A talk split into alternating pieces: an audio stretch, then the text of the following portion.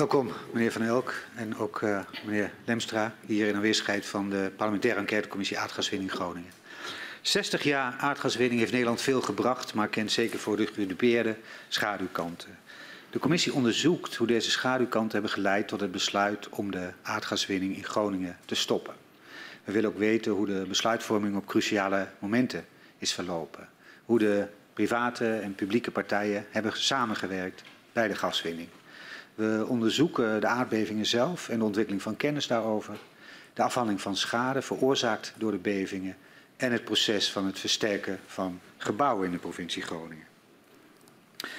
Uh, deze week uh, ja, zoomen we nader in op uh, de beving bij Huizingen en de ontwikkelingen die daarna hebben plaatsgevonden. U was in die periode werkzaam bij de NAM als Development Lead Groningen Asset. Meneer Van Elk, u wordt gehoord als getuige. dat verhoor zal met u ook onder ede plaatsvinden en u heeft gekozen de belofte af te leggen en daarmee de gehele waarheid en niets dan de waarheid te zullen zeggen. Ik verzoek u daarom even te gaan staan en mij na te zeggen, dat beloof ik. Dat beloof ik. Dan staat u nu onder ede, mag u weer plaatsnemen. Het verhoor met u zal worden afgenomen uh, door uh, de leden Kuik en Tielen. En uh, mevrouw Kat zal mogelijk aan het einde van het verhoor ook nog enkele vragen stellen. Dat is helder voor u? Ja.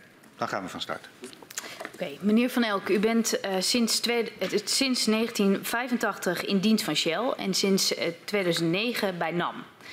Als development lead zorgt u voor de productiecapaciteit van het Groningen gasveld en de opslagen in Grijpskerk en Norg dat die op peil blijven.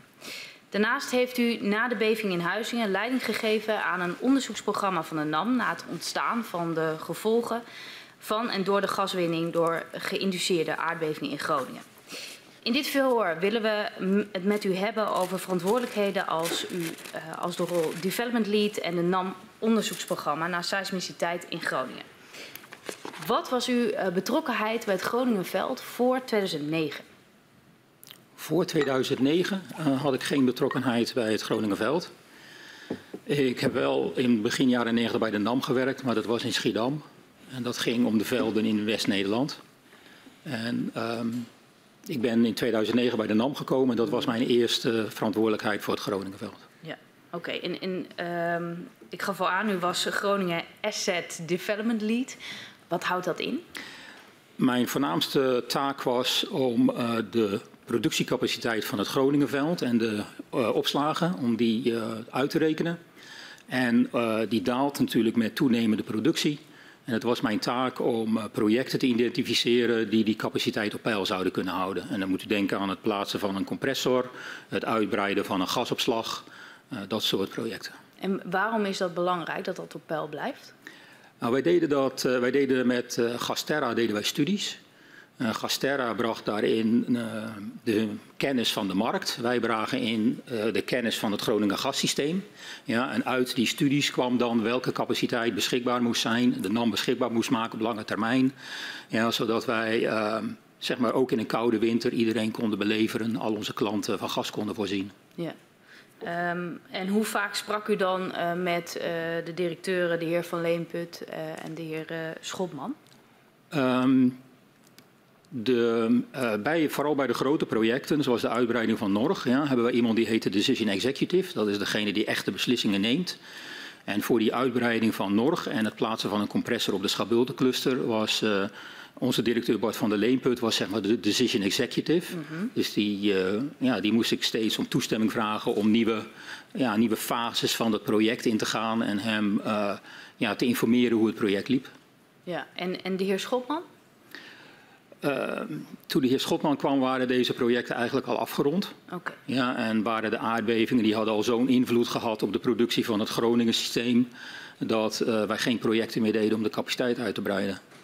Maar ik had wel regelmatig contact, maar dat ging dus zuiver en alleen over de aardbevingen. Oké. Okay. Um, dan is het maart 2012 en dan presenteert u samen met asset manager Johan de Haan het Groningen Asset Revenge Plan, oftewel het businessplan voor het Groningenveld. Uh, en in dit plan gaat u ook in op de detectie van aardbevingen door gaswinning.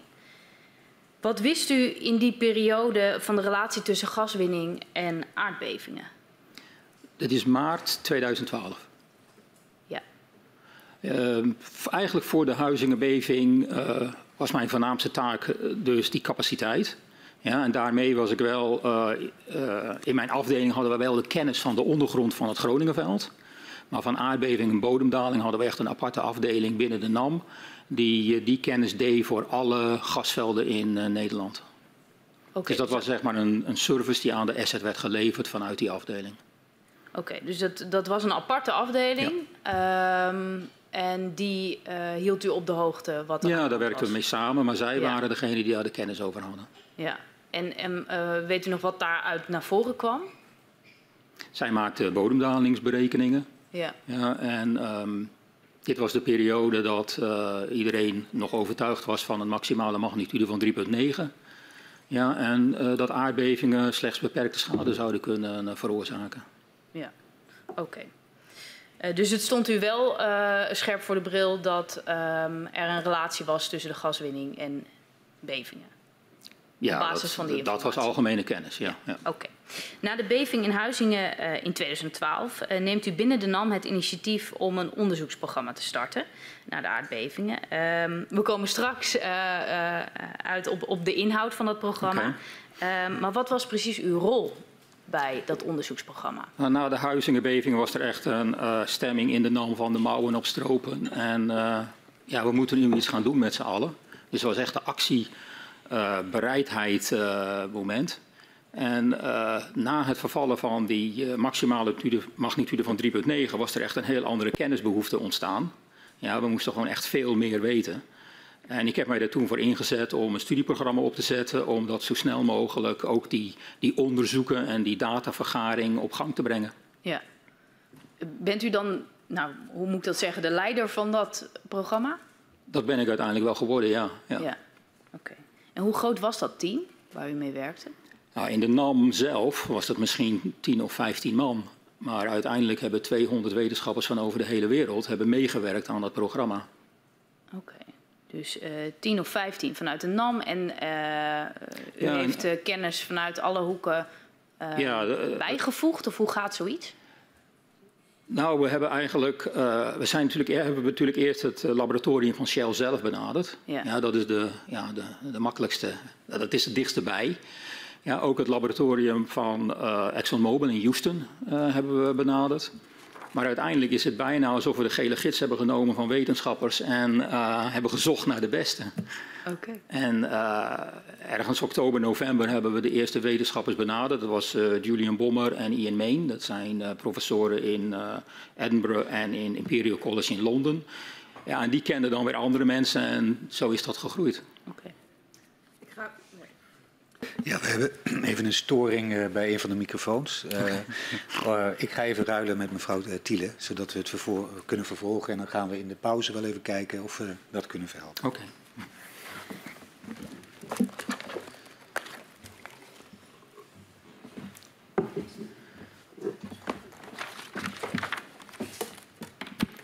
Ja, excuses uh, daarvoor. Uh, ik wil met u naar uh, 16 augustus 2012. dat is de dag van de aardbeving in ja. Huizingen. het is de krachtigste beving tot dan toe gemeten met een magnitude van 3,6 op de schaal van Richter. Hoe verschilde deze beving van eerdere bevingen in uw beleving? Nou, het was duidelijk dat de beving anders was gevoeld door de mensen in Groningen. ze hadden hem als krachtiger ervaren en ook als langer. -huh. Uh, er was ook meer schade veroorzaakt. Dat was ook duidelijk meteen al aan de schademeldingen die binnenkwamen. En u zegt meteen al, waar, welke tijdspannen moet ik dan denken? Oh, de, meteen de dagen daarna. Ja? Ja, het was echt de ochtend van uh, eh, 17 augustus. Ik woon zelf in Assen, dus ik heb hem zelf niet gevoeld. Uh -huh. Maar gewoon die eerste ochtend uh, ja, had de secretaresse, die, die had burgemeester Rodeboog al aan de lijn gehad. -huh. Ja, Johan, onze asset manager, was op vakantie, maar er was ook contact geweest. Ja, en tijdens die dag... Um, uh, kwamen natuurlijk collega's tegen die in Groningen woonden en die vertelden over wat ze hadden meegemaakt ja. en hoe ze dat hadden ervaren. En, en wat, wat voor woorden gebruikten ze om dat uh, te beschrijven? Nou ja, dat ze wel uh, waren geschrokken, dat ze dat gezin kinderen uit bed, ja, in de woonkamer, mensen kijken of de buren ook het licht, licht aan doen en dan de straat op en de mensen praten. Dat waren zeg maar de ervaringen die we hoorden. Ja. Uh, kort daarna besluit de staatstoezicht op de mijnen om een eigen onderzoek te starten naar, die beving, uh, in, uh, in, naar de bevingen in Groningen. Hans de Waal en Annemarie Munten-Dambos van staatstoezicht hebben hier al over verteld tijdens ja. hun verhoor. Wat vond u van hun initiatief? Ik denk dat dat een heel goed initiatief is geweest en dat zij daar een erkenning voor moeten verdienen. Ja, was u verrast dat zij dat initiatief namen? De eerste keer dat wij daarvan hoorden was toen uh, Bart van der Leemput op bezoek was geweest bij SODM. -huh. Wanneer was dat? Dat was uh, misschien een week, twee weken later. Ja, en toen zijn we natuurlijk zelf ook gaan kijken. -huh. En toen uh, ja, met lezen en iedereen verdiepen. En ook de plaatjes die Bart had meegenomen bekijken. -huh. Bart van der Leemput. Bart van der Leemput had meegenomen te bekijken. Kwamen we wel tot de conclusie dat ze een goed punt hadden. Ja. Want ze constateren in september vrij snel dus na die beving in Huizingen, en u vertelde daar net al over, maar dat de voorspelling over die maximale magnitude niet meer houdbaar is. Ja, en dat was wel echt een hoeksteen van uh, de redenering rond veiligheid uh, voor Huizingen. Dus dat was een heel belangrijk iets. Ja, en hoe beoordeelde u die bevinding, die conclusie? Nou, we hebben natuurlijk eerst uh, met de mensen in de afdeling die, die daarnaar hadden gekeken rond de tafel gezeten. -huh. Ja, en het heeft denk ik wel een paar weken geduurd voordat we echt binnen de NAM Daar gaan we wat, wat, gesprekken over en wat uh, vergaderingen over voordat echt het een NAM-positie is. Ja. Maar um, ik denk dat uh, midden september dat wel echt het inzicht ook van de NAM was geworden. Ja, en u zegt, uh, dat bespraken we met de afdeling. Kunt u een beetje vertellen hoe dat dan binnen de NAM liep? Oh, ik moest eerst natuurlijk naar hun toe om het rapport van KNMI op te halen en eens goed te gaan lezen. -huh. ja, en zij zaten natuurlijk zelf ook... en zij, wie, dan bedoelt u? Mijn collega's, ja, okay. die waren dat natuurlijk ook aan het lezen. En die waren ook aan het kijken van, ja, dat is toch niet zo heel solide als dat we hadden gedacht. -huh. en, en, en... en, SODM heeft dus wel een punt. -huh. en, en wat betekende dat dan voor de, uh, voor de NAM, die bevindingen? Als allereerste voor mij betekende dat dat we een gebrek aan kennis hadden. Ja. Nou, dat er nu een heel andere behoefte aan kennis was ontstaan uh, uh, door dit inzicht. En wat was de reden dat NAM die kennis niet had? Ik denk dat we daarvoor hadden vertrouwd op uh, het technisch platform aardbevingen, waar SODM, KNMI, TNO, EZ uh, en iedereen geregeld bij elkaar kwam en overlegde. -huh. En u zegt vertrouwd op. Hoe, hoe, hoe werkt het tussen de NAM en het technisch platform? Ja, ik ben er zelf nooit bij geweest. Mhm. Maar uh, die kwamen vier keer per jaar bij elkaar en die bespraken uh, voortgang en de resultaten van de onderzoeken die waren uitgezet door dat platform. Ja, u zegt in dat platform zaten al die kennisinstellingen. Ja. Uh, maar toen SODM met die bevindingen kwam, moest, moest de afdeling, geloof dat u net zei, ook eens goed naar het rapport van de KNMI kijken. Wat ja, we hebben uh, alle rapporten die er waren relevant waren. En de, de, de, plaatjes die we hadden gekregen van SODM. En we hebben natuurlijk die plaatjes ook zelf nagemaakt. Uh -huh. Ja, uh, hebben we ja, heroverwogen die positie. En we kwamen eigenlijk tot de conclusie dat SODM een goed punt had. Ja. En was er in de jaren daarvoor nooit op die manier naar die informatie gekeken? Of hoe moet ik me dat voorstellen? Ja, er was een, een, een brede consensus uh, voor Huizingen eigenlijk die doorbroken werd door dat uh, SODM-werk. En de statistische sommen die gemaakt werden, waren die nooit eerder gemaakt? Het was niet zozeer dat uh, er ingewikkelde statistische sommen waren gemaakt. Het was meer dat de data die beschikbaar was in de catalogus van aardbevingen door SODM op een andere manier was geplot. -huh. ja, en, en, dat gaf nieuwe inzichten. Ja, dus het was niet zozeer nieuwe kennis als wel een nieuwe manier om die kennis... Het was een nieuwe blik op diezelfde kennis, ja. ja op diezelfde data. Ja, dus het ja. was kennis die NAM op zichzelf wel in huis had. Ja. En wat was de reden dat daar nooit op een andere manier naar gekeken was? Ik weet het niet. Ik weet het niet. Ik denk dat iedereen uh, wou dat ze ja, voor SODM ditzelfde hadden gedaan. ja. Um, tot de beving van Huizingen in 2012 voorspelt KNMI een maximale magnitude van 3,9 op de schaal van Richter. Hoe interpreteerde u die maximale uh, magnitude in de periode um, voor de beving van Huizingen? Ja, voor de beving van Huizingen uh, ging ik er gewoon van uit dat dat een maximum was. Dus iets wat niet overschreden kon worden. Ja. En als je het rapport gewoon in detail leest, ja, dan uh, staat daar toch iets anders. Mm -hmm. ja, daar wordt gesproken over een uh, gemiddelde en een standaarddeviatie. Ja, en uh, gemiddelde plus een standaarddeviatie betekent dat je nog 15% kans hebt dat het nog groter is. Ja. En had je twee standaarddeviaties genomen, dan was ja, de kans veel kleiner geweest en dan had je een 4,1 gehad. Wat denk ik niet de situatie echt anders had gemaakt. Nee. en klopt het nou dat u dat op dat moment toen niet zo scherp had? Dat, dat, dat er nog een uh, percentage Nee, voor Huizingen had ik die details niet. Uh, nee. nee. En wanneer kwam dat punt dat dat... Uh, nou ja...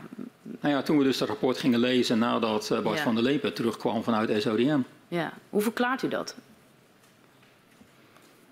Ik weet niet, maar uh, ik geloof dat uh, de staf van SODM uh, dit de tunnel heeft genoemd. Ja. Maar er was een bepaalde manier van hier naar kijken, een bepaald paradigm dat, ja, dat een brede consensus had.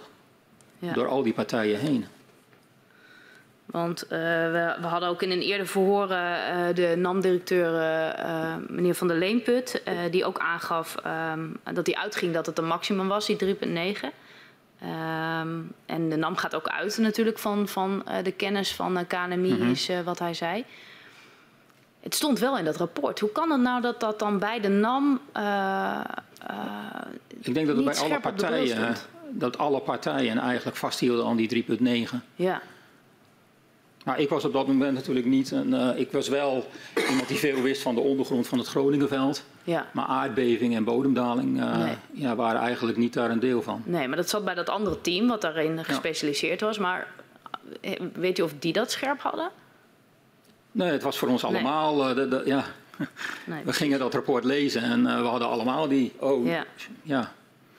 Um, het KNMI gaat er bij de voorspelling van uit dat de Groningse bodem stabiel is.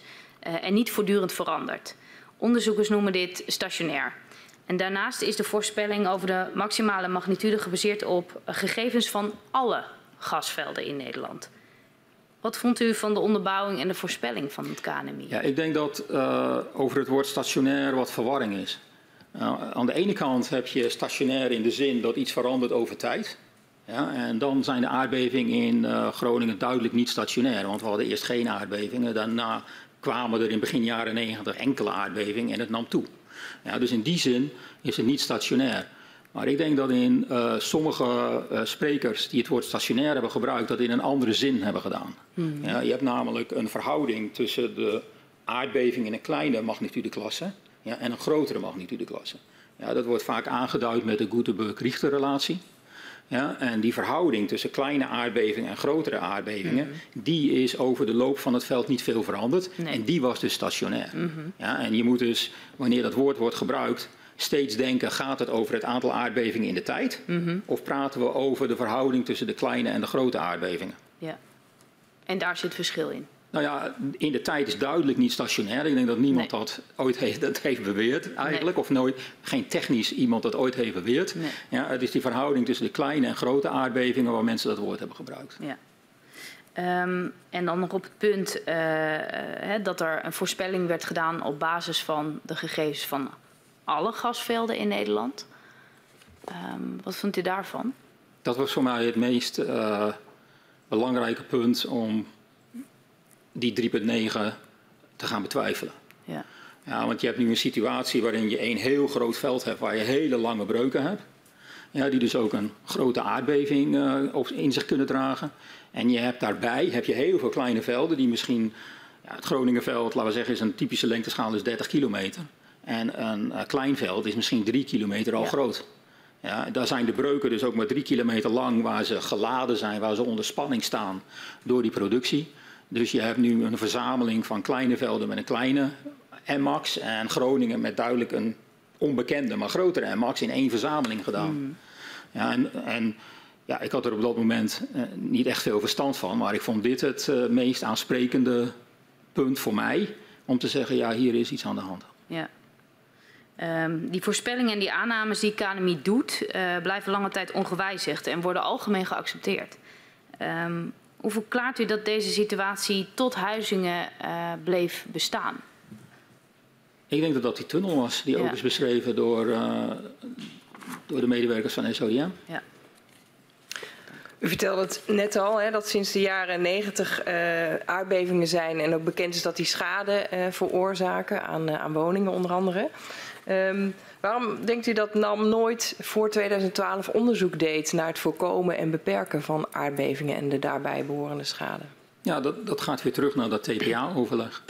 Ja, waar de gezamenlijke mijnbouwondernemingen, TNO, KNMI, SODM en EZ uh, vier keer per jaar bij elkaar kwamen en dit soort dingen bespraken. Ja. Uh, daar was die consensus.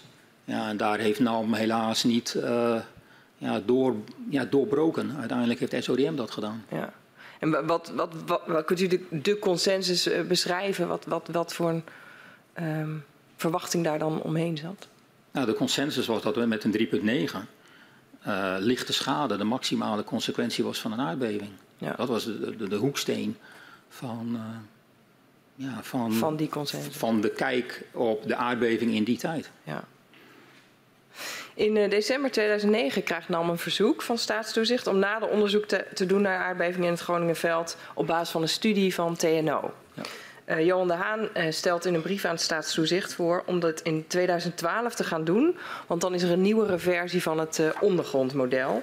het Groningen Field Review van 2003 dat dan herzien is. En uw paraaf staat ook bij die, bij die brief. Waarom gebruikte NAM niet het oudere, dus het al bestaande ja. Groningen Field Review, om onderzoek te doen? Ja, er was een, een model uit 2003. Ja. En uh, niet eens alle breuken die zichtbaar waren op de seismiek waren onderdeel van dat model. En bovendien waren alle breuken geïnterpreteerd als verticaal. Je kan dus echt praten over een kaart, ja, want de breuk werd gezien als verticaal, wat fysisch niet zo is. Nee. En daarom was die kaart totaal ongeschikt voor het soort onderzoek dat TNO voorstelde te doen. Ja. Wij waren op dat moment bezig met een Groningen Field Review. Mm -hmm. Dat was ook ter ondersteuning van het winningsplan. Ja, een winningsplan staat, bestaat uit principe uit twee delen. Het een is effectieve winning.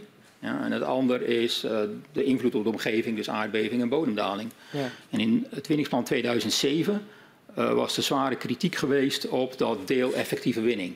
Ja, dat was het idee dat het moeilijker te winnen gas uit het Groningenveld, dat daardoor de NAM niet genoeg aandacht aan was besteed. En, van wie was die kritiek gekomen? Van TNO. En via TNO uh, had EZ dat als kritiek geleverd op dat winningsplan. Ja, omdat inderdaad nou, het, deel van het onderzoek dat ging over, over effectieve winning eigenlijk liet zien dat daar.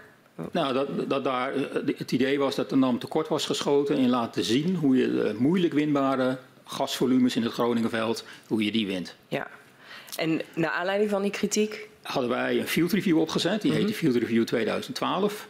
Ja, en uh, het was staf in mijn afdeling die die field review deed.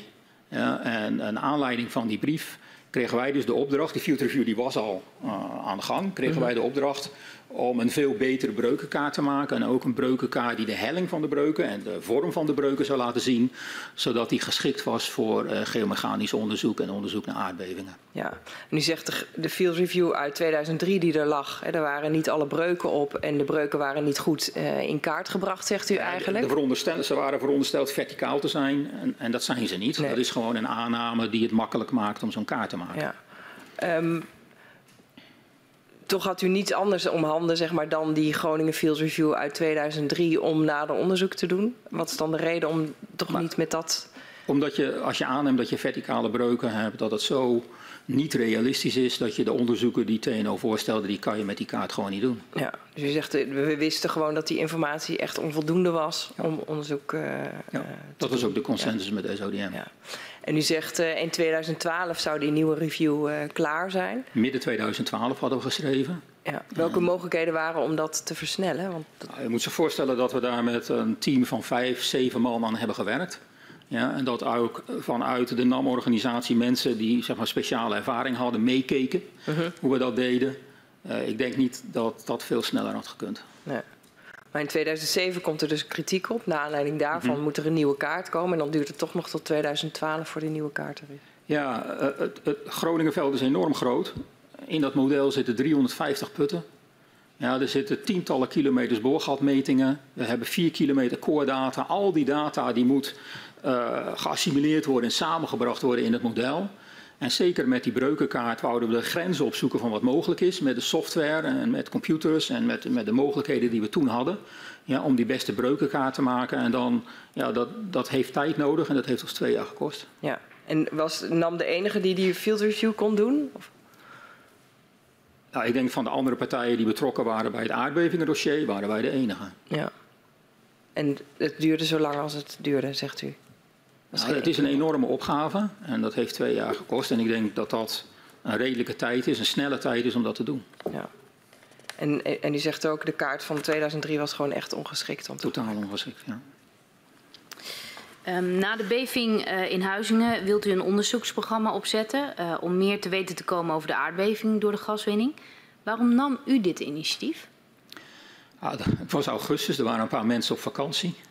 Ja, en Johan de Haan, onze asset manager, die was vol energie om die schade op te pikken. En ik heb toen gedacht, nou, dit ligt mij wel. Uh, hier ga ik mij op storten. Dit moet ja. gewoon gebeuren. Mouwen opstropen en aan de slag. Uh, we hadden al een vergadering met SODM in de boeken staan van uh, eerder. Ja, dat was april, toen, toen was ons breukenmodel af. Dat hebben we toen ook met, aan hen aangeboden. Um, zij hadden toen geen interesse meer in. En na de huizingenbeving hebben we dat wel met hun gedeeld. Toen kregen we een nieuwe verzoek en toen hebben we dat meteen gedeeld. Uh, en uh, ja, daardoor zat ik in die flow.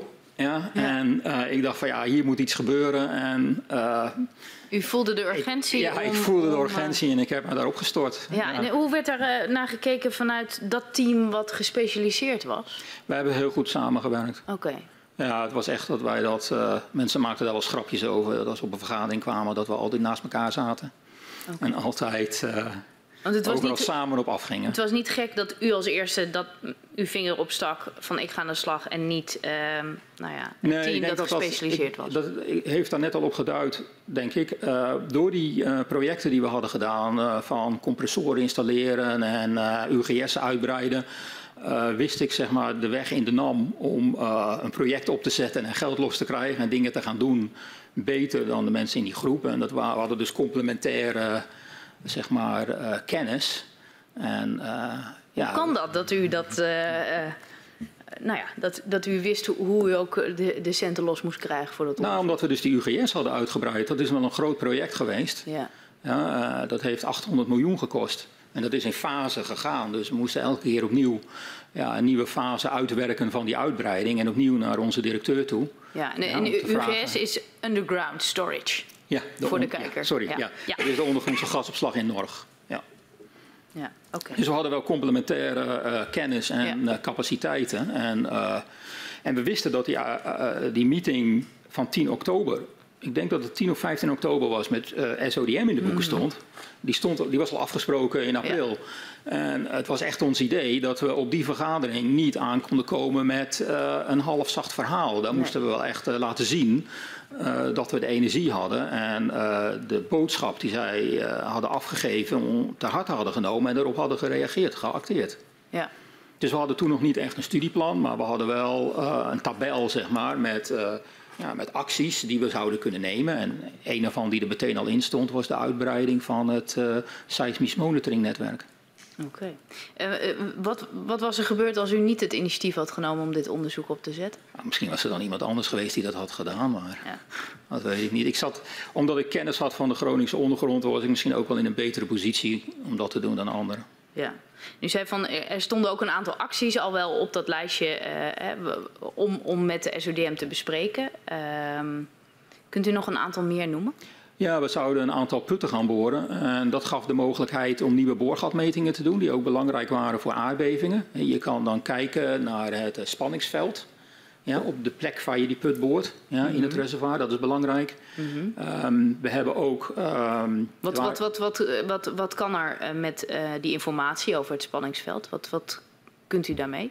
Nou, dat is, uh, dat is een uh, belangrijke beginvoorwaarde voor het doen van geomechanische berekeningen. Ja, dus als je berekeningen wil doen aan hoe breuken zich gedragen, mm -hmm. dan moet je natuurlijk ook de spanning op die breuk ja. weten. En dan de beginspanning is dan heel belangrijk. Ja. Um, we hebben ook, uh, er waren nieuwe, hè, de, meeste van onze putten zijn uit de jaren 70, 80 uh, of 60, 70. Dus nu konden we hele nieuwe uh, boorgatmetingen doen, waarbij we ook de, de snelheid waarmee mechanische golven door de bodem bewegen, ja, dat we die konden meten. Dat waren nieuwe meetinstrumenten, die waren net ontwikkeld. En uh, we hebben dus van het reservoir tot het oppervlakte hebben we in een aantal van die, of in al die putten, maar twee putten, uh, hebben we die, uh, dan die snelheden gemeten. Ja, je hebt een, een, drukgolf en je hebt een afschuivingsgolf. En die wil je beide meten, want die zijn beide belangrijk voor aardbevingen. En die hebben we gemeten en zo stonden er dat soort acties in die tabel. Ja. Um, Dus u, u doet ja, allemaal acties, uh, metingen, uh, berekeningen om, om de aardbevingen beter te kunnen inschatten. Ja. Um, en om een basis van data te creëren om onderzoeken te kunnen doen. Ja. En zitten er ook acties bij om, om al iets te doen aan, aan het beperken van, van, van bevingen? Um, er zaten wel al acties in die gingen over gebouwen. Het beperken van aardbevingen, uh, denk ik dat we in oktober daar nog niet waren.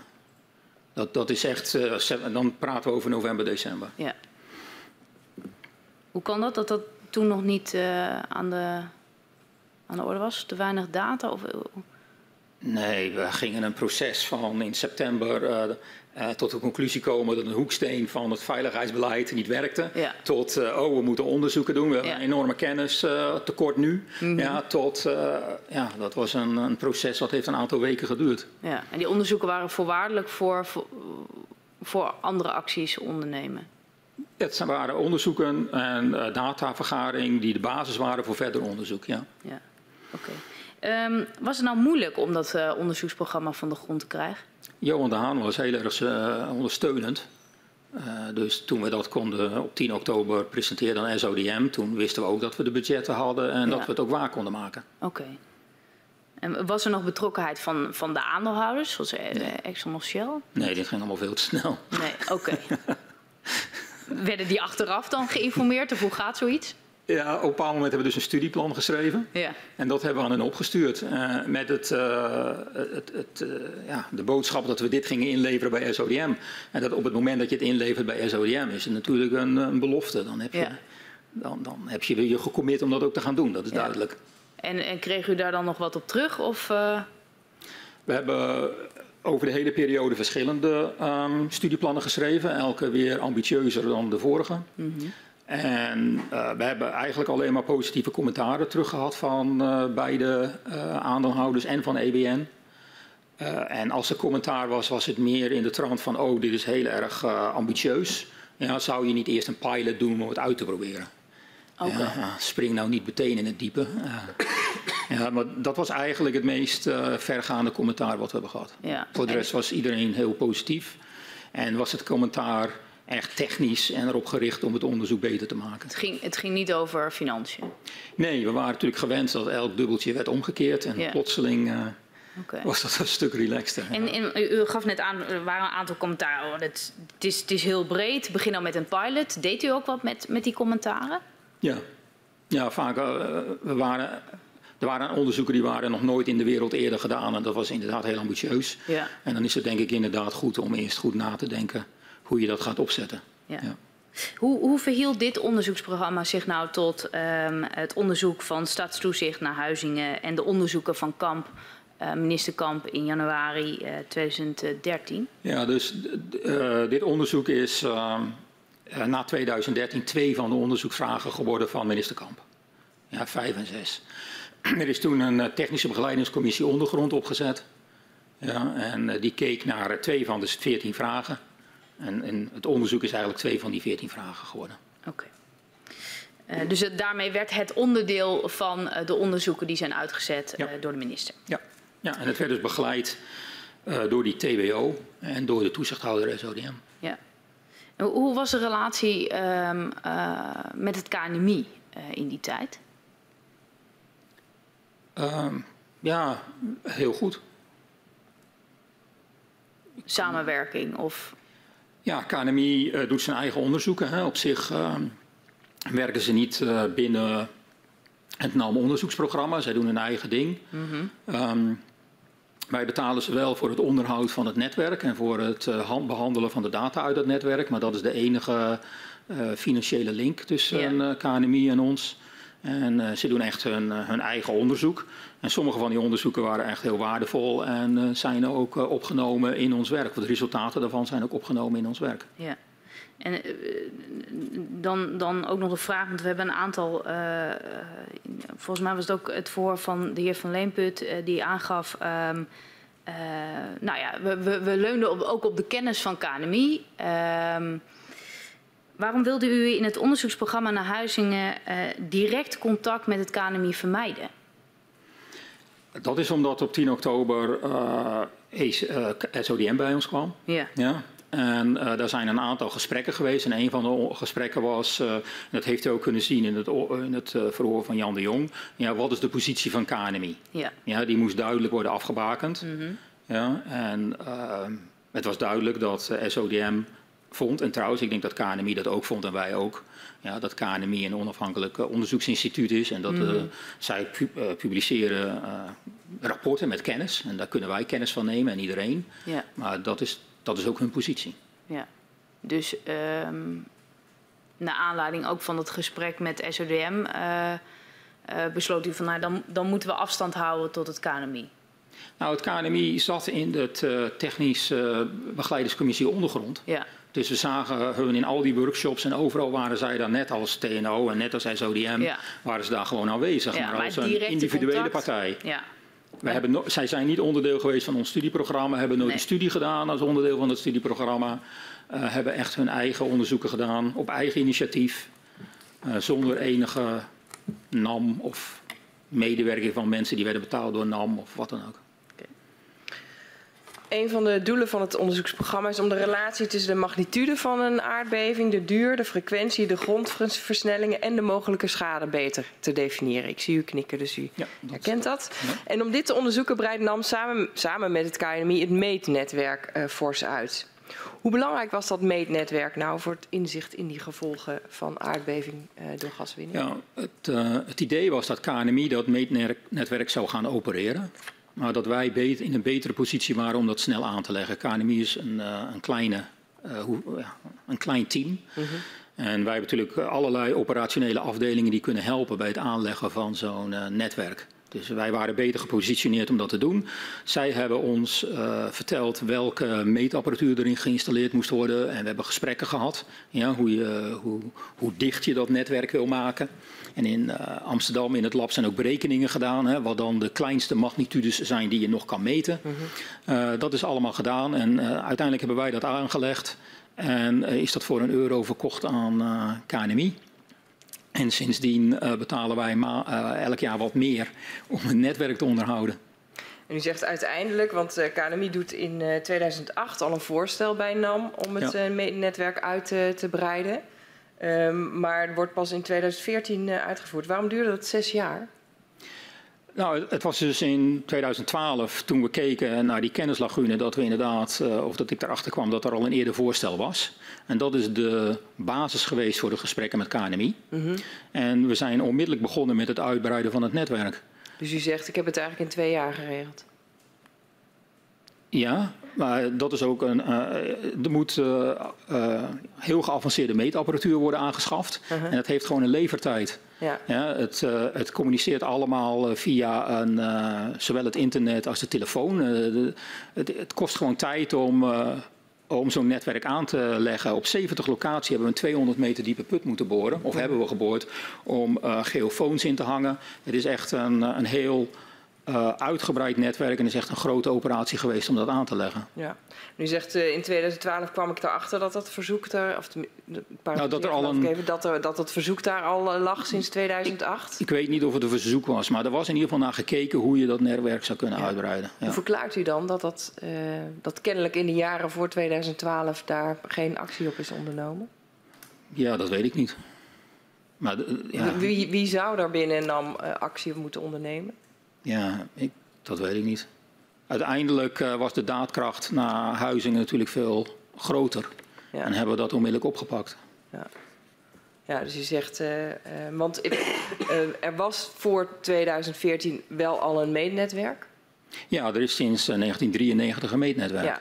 Maar dat had niet de kwaliteit en, die u nodig had voor uw onderzoeken. Dat is ook voortdurend uitgebreid en aangepast. Er is echt actief aan gewerkt om dat uh, zo goed mogelijk te maken. Maar dat had 15 stations. En uh, ja, wij dachten echt, dit, dit, dit kan veel beter. Ja, en KNMI dacht dat kennelijk ook al eerder? KNMI dacht dat kennelijk ook al eerder. En er was dus meteen al een basis om te beginnen. Ja, uh, begin 2013 adviseert Staatstoezicht uh, om de gaswinning zo snel als realistisch mogelijk terug te brengen vanwege de veiligheidsrisico's in Groningen. Wat vond u van dit advies? Ja, ik denk dat dat een, uh, een redelijk advies was. Ja. Vooral omdat het niet was uh, in een bepaalde rate of een bepaald iets. Hè. Er moet een bredere afweging worden gemaakt, die is aan de minister. Mm. Ja, en vanuit de optiek van SODM kan ik me voorstellen dat dit een heel erg uh, redelijk advies is. Ja. En vanuit de optiek van de NAM? Ik denk dat vanuit de optiek van de NAM, um, met hindsight, zeker als je nu kijkt wat er allemaal is gebeurd sinds die tijd, dat ook een uh, redelijk advies was geweest. Ja. ja. ja. Maar dat gebeurde niet. Er was, vanuit NAM was daar. Vanuit NAM was daar minder enthousiasme voor, ja. ja. Hoe verklaart u dat? Ja, dat is echt beslissingen die niet op mijn niveau zijn genomen. Nee. Um, wat voor onderzoek had NAM tot begin 2013 gedaan uh, naar de relatie tussen productiebeperking en het effect op seismiciteit? Dus dan praten we over de periode van augustus 2012 eh, tot begin 2013. Ja, tot begin 2013. Dus in, die, in de maanden september, ja. oktober, november. Ja, we hebben toen uh, uh, een onderzoek uh, laten doen door het lab in Amsterdam. Mm -hmm. Twee statistici. Die hebben daar gekeken naar wat de kansen waren op een bepaalde aardbeving van een bepaalde magnitude. Uh, en dat hebben we ook laten peer-reviewen door de twee professoren die ik net noemde, Ian Main en uh, Julian Bommer.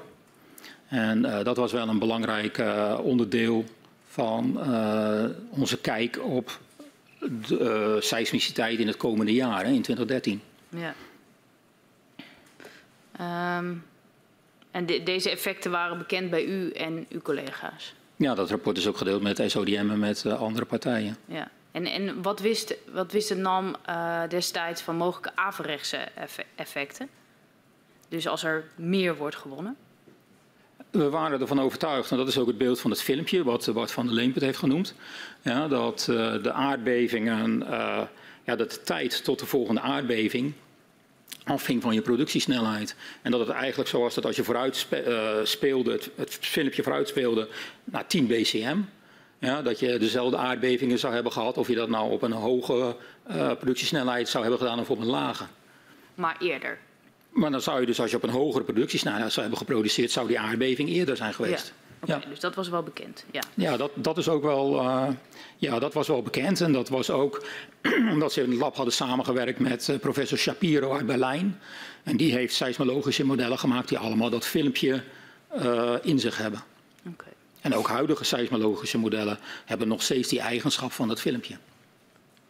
Um, in de brief die Staatstoezicht in januari 2013 aan de minister schrijft, staat dat Staatstoezicht en de NAM het eens zijn dat een, productie in, uh, uh, dat een reductie in productiesnelheid, een reductie in het aantal verwachte bevingen per jaar uh, tot gevolg zou hebben. Waarover zijn NAM en Staatstoezicht het oneens?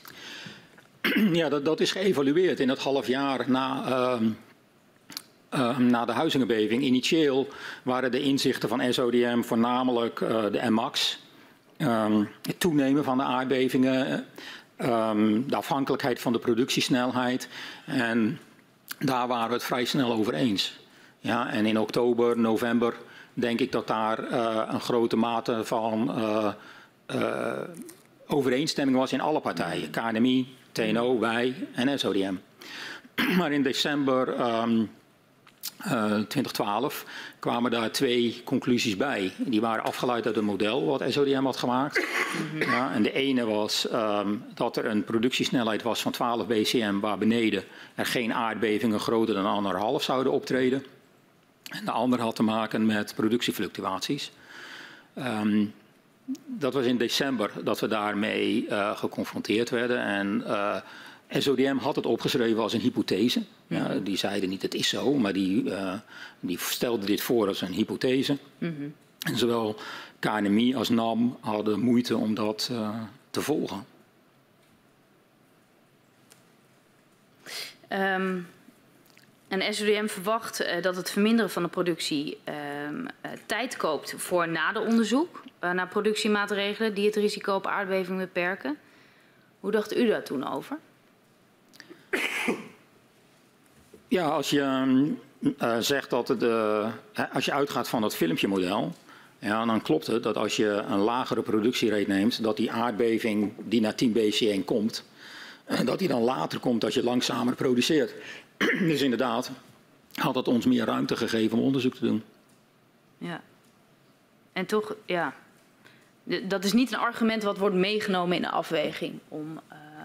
Op dat moment uh, was de NAM heel erg van we gaan het veld leeg produceren. Ja. ja. dat, dat stond eigenlijk niet de discussie. Nee. Ja, en als dat delen is van je paradigm, van, van hoe je denkt, ja. Ja, dan krijg je alle aardbevingen. Het enige wat je kan doen is ze verschuiven in de tijd. Ja. Maar je kan niet minder of meer uh, aardbevingen creëren. Je kan die aardbevingen voorkomen. Mm -hmm. Maar als de, hè, het uh, paradigma is, uh, we gaan het veld leeg pompen, dan dan is het dan erg dat dat dan even een vertraging heeft om zo even een pas op de plaats te maken? Nou, later is natuurlijk ons, um, uh, onze visie op wat zeg maar, de norm zou zijn voor aardbevingen is wel veranderd. Ja, uh, de Meidam-norm is duidelijk een norm die uh, aangeeft een veiligheid per jaar. Ja, en in 2013 zijn wij natuurlijk ook gaan nadenken over wat een aardbevingsnorm zou kunnen zijn en hoe dat eruit zou zien. En uh, de voorstellen die wij hebben gedaan in uh, winningsplan 13 geven dat ook wel aan. Mm -hmm. um, dan ga ik nog even terug naar uh, een, een, ander verhoor wat we hebben gehad met de heer Pieter Dekker van Shell. Um, die zei tijdens zijn verhoor dat NAM en staatstoezicht het nog niet eens waren over de vraag, en dan citeer ik, of productieverlaging op dat moment een effectieve maatregel was om de grootte van de maximale aardbeving omlaag te brengen. In het advies van staatstoezicht gaat het echter niet om een verlaging van de maximale magnitude, maar om de frequentie. Hoe verklaart u deze verwarring? Nou, er is ook een discussie geweest of als je de uh, productie naar beneden brengt, of je niet alleen uh, de frequentie van de aardbevingen vermindert, maar ook de maximale magnitude. En de maximale magnitude wordt nauwelijks beïnvloed uh, door hoe snel je produceert. Mm -hmm. ja, die is gewoon een gegeven. Ja, maar dat was ook niet wat SODM... Maar dat is wel wat Pieter Dekker daarna verwees. Ja, maar dus ik vraag van hoe kan dat dan die verwarring ontstaan? Dat, ik denk was niet, dat, dat was niet het punt wat SODM maakte. Dat, dat ging over de frequentie. Maar ik, ik, denk dat we hier uit een wereld kwamen waarin die 3.9 heel centraal had gestaan. Iedereen was heel erg gefocust op die maximale magnitude. Mm -hmm. ja, en die focus op die maximale magnitude was er ook nog uh, in begin 2013. Ja. Ja, vandaar die discussie, kunnen we die maximale, maxima, uh, maximale magnitude naar beneden brengen ja. om lager te produceren? Ja, kunnen we dat, in, het in, in, in, een extreem geval zouden we dat terug kunnen krijgen naar 3,9. Mm -hmm. Ja, en die discussie was nee, die maximale magnitude is een, een constante waarde en die is niet afhankelijk van productie. Nee, maar daar waren eigenlijk de partijen het wel over eens. Ja, maar dat was toen nog wel een discussie. Er was nog niet iedereen uh, uh, aan boord. Er was wel een gevoel mm -hmm. dat je uh, die maximale magnitudes ook zou kunnen beïnvloeden. Ja. Ja, en dan geeft de SODM aan, het is vooral het punt dat we maken dat de frequentie mm -hmm. in een jaar dan minder zou zijn. Ja. Um, is daar dan wel overeenstemming over? Ja, zeker in september had SODM ook het beeld van een filmpje dat als je... Ja. Uh, dus op een bepaald moment was daar wel overeenstemming over. Ja. Uh, op het moment dat je gaat kijken naar productiefluctuaties, dus in december, was daar wel wat, uh, was die overeenstemming wel wat geërodeerd. Want als je zegt dat je productiefluctuaties moet vermijden, ja, dan is de frequentie niet alleen afhankelijk van het geproduceerd volume, mm. maar ook van de snelheid waarop je hebt geproduceerd. Ja, en nu nu zie je dus een uiteenlopen van de visies ontstaan. Ja. Um, de heer Van der Leenput uh, noemde productieverlaging tijdens zijn verhoor een vorm van schijnveiligheid. Uh, wat vond u in die periode uh, van, van productieverlaging? Ja, je moet het echt zien in een, een beeld waarin onze ideeën over veiligheid en het evalueren waren. Ja, later in 2013 en, en, zeker toen we de winningsplan moesten schrijven en nadachten over wat dan de aardbevingsnorm was, Mhm. mm -hmm. toen zaten we wel echt op het pad van uh, een veiligheidsbeeld per jaar. Maar begin 2013 zaten we echt meer op het pad van de veiligheid over de productie van het gasveld. Over het leven van het veld. Ja. Oké. Okay. Um, en hoe kijkt u naar dat argument van schijnveiligheid? Ja, als je dus kijkt naar de veiligheid over het, het, het resterende leven van het veld, dan is dat een argument. Maar dan ga je er dus vanuit dat je het hele veld gaat leeg produceren, dat dat een gegeven is. Er zijn een paar dingen waar ik nog eh, zeg maar, eh, net even wat scherper wil krijgen of ik het goed begrijp.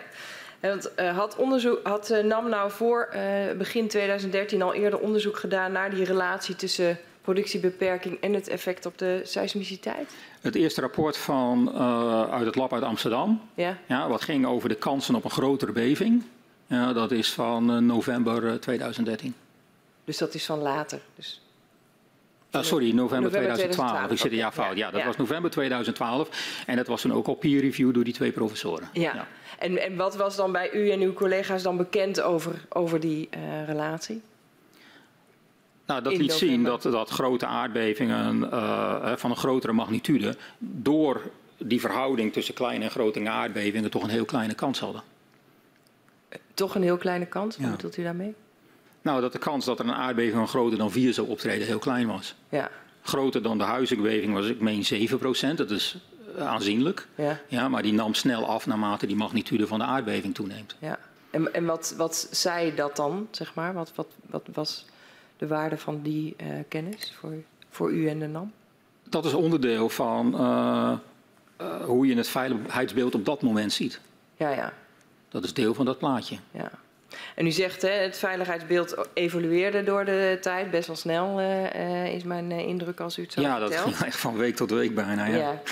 En u vertelde in, uh, in de SODM had dus de hypothese in december 2012 dat met een productie van 12 BCM er geen aardbevingen groter dan een magnitude anderhalf zouden plaatsvinden. Ja. Uh, en nog iets over productievermindering, zei u ook in die hypothese. Ja, dus de tweede conclusie ging erover dat het filmpje uh, niet helemaal correct is. Mhm. Mm -hmm. ja, dat niet alleen het volume wat je produceert van belang is, maar ook de snelheid waarop je produceert. Oké. Okay. En dan kom je er dus vrij snel op het idee dat het vermijden van productiefluctuaties aardbevingen kan vermijden. Ja. Ja. Um, en de combinatie van het willen vermijden van productiefluctuaties en het handhaven van leveringszekerheid, die combinatie van die twee dingen, mm -hmm. ja, die leveren altijd een hoger productieniveau op. Ja. Ja, want de pieken in de, in de gasvraag van het Groningenveld, die wil je beleveren voor leveringszekerheid. Ja, je gaat dan niet naar beneden als er een daling is in die vraag. Je blijft op dat hogere niveau dat produceren. produceren zeg maar. Omdat je vlak wil produceren, sorry. Ja. Ja. en dan krijg je altijd een hoger productieniveau. Ja. En toen u net vertelde over die hypothese, zei u, zei u dat konden de NAM en de KNMI moeilijk volgen. Dat was voor... Die konden daar niet in meegaan. En wat bedoelt u daarmee? Nou, wij waren, het, uh, wij, wij waren niet eens dat dat een redelijke hypothese was, die 12 BCM. Oké, okay. en die productievermindering wel? Ook daar, nee, ook daar konden we niet in meegaan. Nee, nee. En, en dat op basis van de wetenschappelijke inzichten die u toen had? Ja, en dat hebben we in de jaren daarna nog vele keren uh, bestudeerd. Ja. Omdat uh, vooral die productiefluctuaties zo'n grote invloed hadden op het productieniveau. Ja. En um, die hypotheses, uh, daar was u zeg maar als NAM en dus kennelijk ook het KNMI niet, niet, eigenlijk niet, niet mee eens, als ik het zo mag uh, zeggen. Ja. Zijn die uiteindelijk in het uh, advies terechtgekomen? Nee, in het advies van SODM worden die niet gebruikt. Nee. dat advies is geheel gebaseerd op de consensus. Ja. conclusies van het rapport van SODM. Ja, dank u, dan snap ik dat beter. Maar ze hebben wel voor veel verwarring gezorgd. Dat uh, laat ik even uh, bij u, uh, zeg maar. Um, we hebben wat technische problemen en we zijn bijna een uur bezig. Dus het lijkt me verstandig om even te schorsen. zodat we wat dingen kunnen fixen hier. Um, ik vraag de griffier om meneer Van Elke en meneer Lemstra buiten de zaal te begeleiden.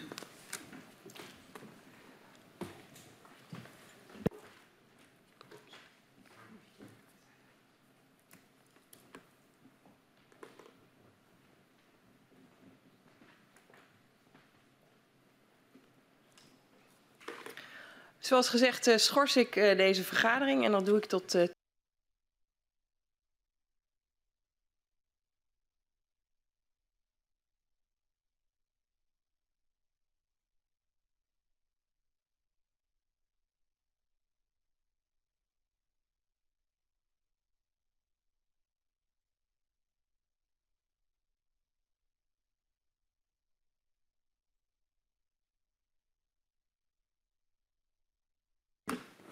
Ik heropen de vergadering van de parlementaire enquêtecommissie aardgaswinning Groningen.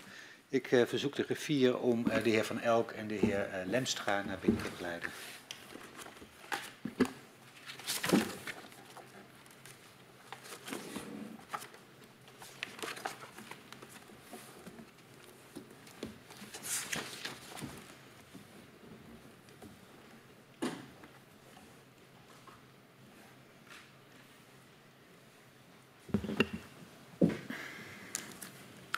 We gaan weer verder en ik geef het woord aan mevrouw Thiele.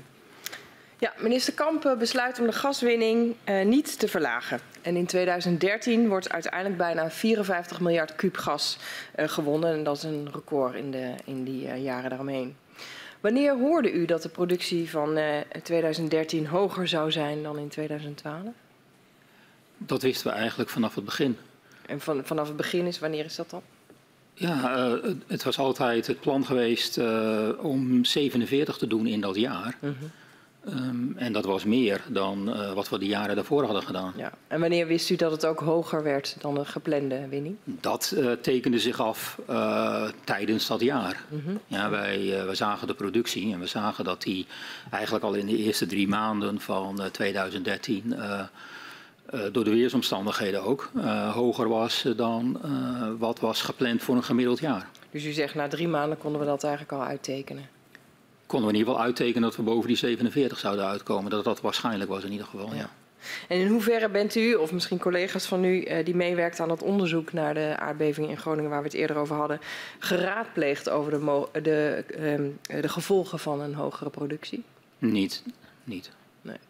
Zegt u daarmee dat er gewoon geen gebruik werd gemaakt van de kennis die bij u werd opgebouwd? Nee, want ik denk dat uh, de kennis die wij hadden opgebouwd ging rond dat filmpje. Dus iedereen wist wat de gevolgen waren van die hogere productie. Daar hoefden we niet tijdens 2013 nog een keer een extra gesprek over te hebben. Want wat waren die gevolgen dan? Nou ja, dat met hogere productie de tijd tot de volgende aardbeving korter wordt. Ja, dus u zegt uh, met name op dat vlak hadden wij uh, de ja. inschatting dat, uh, dat die hogere productie effect zou hebben. Ja.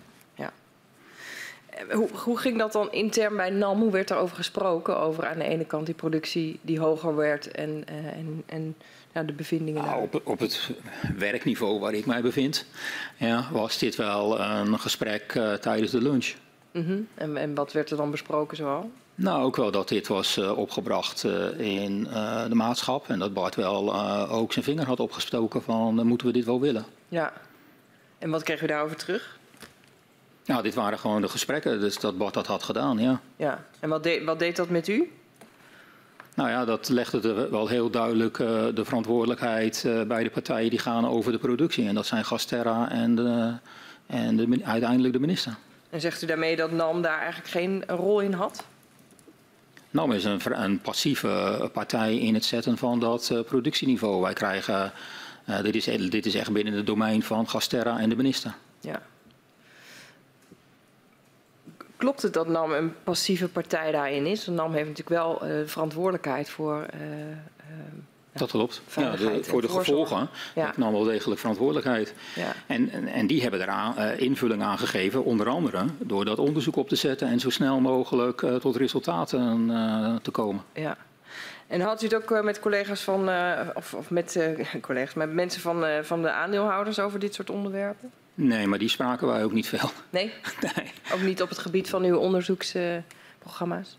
En zeker in 2013. De aansturing van het onderzoeksprogramma werd gedaan door die technische begeleidingscommissie van de overheid. Uh -huh. Die werd gedaan door uh, SODM. Uh -huh. Ook de onderzoekers die met ons werkten hadden natuurlijk ideeën van hoe je verder moest. Dat was eigenlijk de basis waarop het onderzoek werd ingezet. De aandeelhouders die werden meer geïnformeerd van hier is het nieuwe studieplan. Ja, en uh, als we dat inleveren bij SODM is dat een commitment. Uh, dan dat we daar uh, gesprekken mee hadden over het onderzoeksprogramma. Ja. En ook niet over de hogere productie dus? Nee. nee. In hoeverre heeft u leidinggevende en de directie van NAM ook aangesproken op die hoge gaswinning in 2013? Op het moment dat wij van overtuigd waren dat Bart het had opgebracht in de maatschap, was er niet zoveel meer te, ja, op te brengen. Had u het eigenlijk al ja. besproken? Ja. En wat, als u uh, dat nu zou moeten samenvatten, wat zijn volgens u de gevolgen geweest van die hoge productie in 2013 voor de inwoners van Groningen? Ja, die zijn enorm. Mm. Dat was een enorme klap voor hun. Een, een, een, teken dat ze de overheid en, en NAM op dat moment in hun ogen ook niet konden vertrouwen. Een enorme e-, erosie van hun vertrouwen in NAM in, in een heel deel van de samenleving. Mhm. en wat, en wat... Dat schrijnde enorm. Ja. En dat is ook begrijpelijk. Ja. En wat deed dat met NAM? Ja, het heeft onze reputatie natuurlijk een enorme klap gegeven op dat moment. En dat, dat zag je ook. Wij, uh, wij gingen geregeld natuurlijk uh, uh, in op uitnodigingen uit de samenleving om bepaalde dingen met hun te bespreken. En dat kon gaan om ja, mensen in een clubhuis, tot mensen in een bepaalde wijk, tot mensen die onze metingen hadden verstoord, tot mensen ja, gewoon die geïnteresseerd waren. En ehm, eigenlijk vanaf begin 2013 hebben we dat gedaan. En je zag gewoon toen die 54 in, uh, ja, toen dat binnenkwam bij hun, zag je gewoon een hele andere reactie. En uh, echt woede en frustratie. Mm -hmm. En dat had u voor, uh, voor dat moment niet gezien? Nou, um, de eerste keer dat, um, dat was begin 2013, dat we zeg maar, met mensen gingen praten die niet onderdeel waren van die wereld van die onderzoeken, was toen we naar de veiligheidsregio gingen. Dat was in de brandweerkazerne aan de Zondweg in Groningen. Uh -huh. ja, dat waren allemaal professionele mensen. Die vroegen allemaal heel ja, goed gedefinieerde, duidelijke vragen waar een duidelijk antwoord op konden geven. En een week later stond ik in het gemeentehuis in Loppersum en dat was heel anders. Uh -huh. Ja, dat was echt een enorme honger naar kennis. Mensen hadden op het internet gegoogeld, die hadden allerlei theorieën en ideeën waren die tegengekomen en die wouden weten wat de NAM daarvan vond. Dat ja. was echt, uh, ja, ik vond het wel intimiderend om zo'n hele muur van mensen die allemaal met die vragen zitten mm -hmm. tegenover je te hebben en, en al die vragen op je af te krijgen zonder dat er uh, ja, een soort van verband in zit. Hè. Het is gewoon... Mm. Ja, iedereen heeft zijn eigen ding gevonden op het internet of zijn eigen idee en wil dat de NAM daarop commentarieert. Dus dat was echt een. Uh, ja, heel, uh, dat heeft wel sporen nagelaten, zeg maar. Op een bepaald moment dacht ik ook van ja, de, de exit is aan de andere kant van die mensen. Dit gaat echt niet goed. Nee. En op een bepaald moment was burgemeester Rodeboog die zei van ja, we gaan wel om tien uur stoppen. En toen, uh, toen was er meer een soort van balans van ja, laten we dan ook dat gesprek hebben en laten we proberen daar uh, wat te leren van elkaar. Ja. En, en na tien uur bleven heel veel mensen hangen voor uh, koffie en, en, een Groninger koek. En ik ben dan geloof ik middernacht weggegaan. En we hebben nog twee uur met diezelfde mensen die met al die vragen zaten, gewoon rustig gepraat. En uh, ja, ik ging er echt wel vandaan met ook een idee van, uh, ja, we moeten ook in die onderzoeken wat andere dingen gaan aanpakken. Er ja. leven ook andere zorgen dan wat wij uh, initieel hadden gezien. Want wat voor andere zorgen dan dat u initieel had gezien? Nou, bijvoorbeeld mensen die hebben een huis op een terp, op, op een wierde. -hmm. ja, de, wat voor invloed heeft dat? En ze kwamen allemaal dat soort vragen op, -hmm. die uh, we initieel ja, hadden we zeg maar meer grootschalig gekeken en niet naar die dit soort specifieke uh, gevallen. En we hebben toen wel um, ook onderzoeken opgezet om dit soort specifieke gevallen beter te begrijpen. Ja, dus en vooral zegt... wierden natuurlijk zijn best wel veel mensen in Groningen leven ook op een wierde. Ja. En dat is best wel speciaal aan, die, uh, ja, aan, aan Groningen. Ja. U zegt, hè, begin 2013 was er ook wel, al wel veel uh, vragen vanuit de samenleving die u af en toe ook wel deden, deden terugdeinzen. Uh, maar na het bekendmaken van die uh, productie in 2013, die 54, werd het... Zag je echt de, de, van, van een, een, honger naar kennis. En uh, mensen die hadden gegoogeld en zelf hun weg hadden proberen te vinden in die, die kennis. Mm -hmm. ja, die vragen hadden, kreeg je echt veel meer uh, woede en, en, en, en, andere emotie die ook de dialoog wel in de weg stonden soms. Ja. Hoe zat dat in de organisatie zelf? Want er waren natuurlijk ook genoeg NAM-medewerkers die in het gebied zelf woonden. Ja, het merendeel van mijn uh, collega's werken in een kantoor in Hoge Zand. Ja. En die wonen in Groningen. Hoe, hoe, hoe uh, was, was daar iets van die sfeer te, te merken die u net ook schetste? Ja, die stonden daar natuurlijk vaak heel erg uh, dualistisch in. Uh, Groninger burger met een huis uh, ja, dat door een aardbeving wordt geschud, maar ook als een medewerker van de NAM. Ja. Dus ik ging vier, vijf keer per jaar naar het Hoge Zand kantoor toe. Ja. Ja, om te vertellen waar we mee bezig waren en wat we aan het doen waren. En ja, de, de, het was best wel moeilijk vaak, omdat in zo'n publiek zitten heel verschillende mensen met heel verschillende achtergronden. Mm. Er zitten mensen bij die zijn aannemer en die weten meer van gebouwen dan, dan ja, van Groningse gebouwen dan wij op dat moment deden. Ja. Ja, en er zitten mensen bij die hebben gegoogeld uh, en ja, een document gevonden waar iets in staat en dat zonder samenhang met andere kennis uh, hebben En- proberen te begrijpen. Ja, dat, dat is dan in die, in die, in die zaal eh, in Loppersum, maar in het Maar ook van onze zelf. collega's natuurlijk, ja. Want, want eh, hoe wordt daar gereageerd als er dan zo'n hoge productie is? Ja, dus dat heel dualistische, dat je werkt voor de NAM en de- eh, op dezelfde moment ben je ook Groningen. Ja. Ehm, het onderzoeksprogramma van ehm, de NAM is in 2018 geëindigd. In datzelfde jaar zegt u in een interview in NRC dat er maar één oplossing is om aardbevingen zoals in C-Rijp, de 3.4, te voorkomen. Dan moet de productie terug naar nul. Ja. Waarop baseerde u eh, toen die uitspraak? Nou, het idee dat als je echt eh, geen tolerantie hebt voor aardbevingen en echt nul aardbevingen wil, ja, dat er dan maar één manier is om dat te doen en dat is de productie stilzetten. Dat stond ook al in winningsplan 13. Ja, een volledige productiestop wordt daar genoemd ja, als, een, ehm, als een oplossing als je echt geen tolerantie hebt voor aardbevingen, echt naar nul wil. Ja. Ja, en ik heb dat toen in eh, 2018 in het interview gezegd, maar dat was echt iets wat binnen NAM een aanvaard Oké. ik had niet het idee dat ik toen ik terugkwam op kantoor dat iedereen naar mij eh? keek van wat heeft Nee. hij nou gedaan. Nee. Nee, absoluut niet. Dit was echt wel eh, de consensus. Ja. Het was misschien wel de eerste keer dat het zo hard in een eh, krant werd gezegd. Ja. Of dat een nammer het zo hard in een krant zei, maar het was niet de eerste keer dat een nammer het zei. En Nee. u, u, zei al, dat stond ook al in dat winningsplan eh 2013. Eh, Gold dat nou ook voor 2012? In 2012 was echt het, het idee dat eh, we het hele veld zouden leeg produceren. Dat het maakbaar was, dat door schadevergoedingen goed op te zetten, eh, dat door schoorstenen vast te zetten, dat, het, ja, dat, dat, die uitweg er was. Dat dat de, de manier was om verder te gaan. Ja, en, en bij 2018 hadden we natuurlijk eh, dat optimisme eh, in wat we konden bereiken wel eh, terug moeten schalen. Ja. Ehm, en, en eh, waren er dan nog andere inzichten die eh, voortkwamen uit dat onderzoeksprogramma ehm, over het beperken van, van aardbeving en de bij, bijbehorende schade? Nou, het onderzoeksprogramma heeft eh, vijf jaar gelopen. Ja. Ja. We hebben dat echt opgezet als een volledig objectief, de hoogste standaarden van de wetenschap. Niet als de tabaksindustrie, maar juist helemaal de andere kant op. Echt proberen de consensus binnen die wetenschappelijke gemeenschap, om daar, om die te vinden. Eh, dat is ook de reden waarom we eh, iets van 100 mensen hebben laten meewerken, maar ook nog eens een keer 100 mensen eh, het werk hebben laten beoordelen. Ja, hebben laten reviewen. Ehm, we hebben ook alle data is publiek beschikbaar. In het begin verspreiden wij dat zelf. Maar later hebben we dat gedaan via een, een organisatie, EPOS, dat is een Europese organisatie die data verzamelt over aardbevingen. Die zit in Utrecht. En we hebben daar alles ondergebracht, zodat je ook zonder tussenkomst van de NAM eh, alle data kan verkrijgen. Ook het, het al besproken eh, model eh, is daar te verkrijgen. TU Delft ver- verzorgt een soort van helpdesk-functie daarbij. Ehm, alles is gepubliceerd. We hebben een website waar alle wetenschappelijke rapporten op te vinden zijn.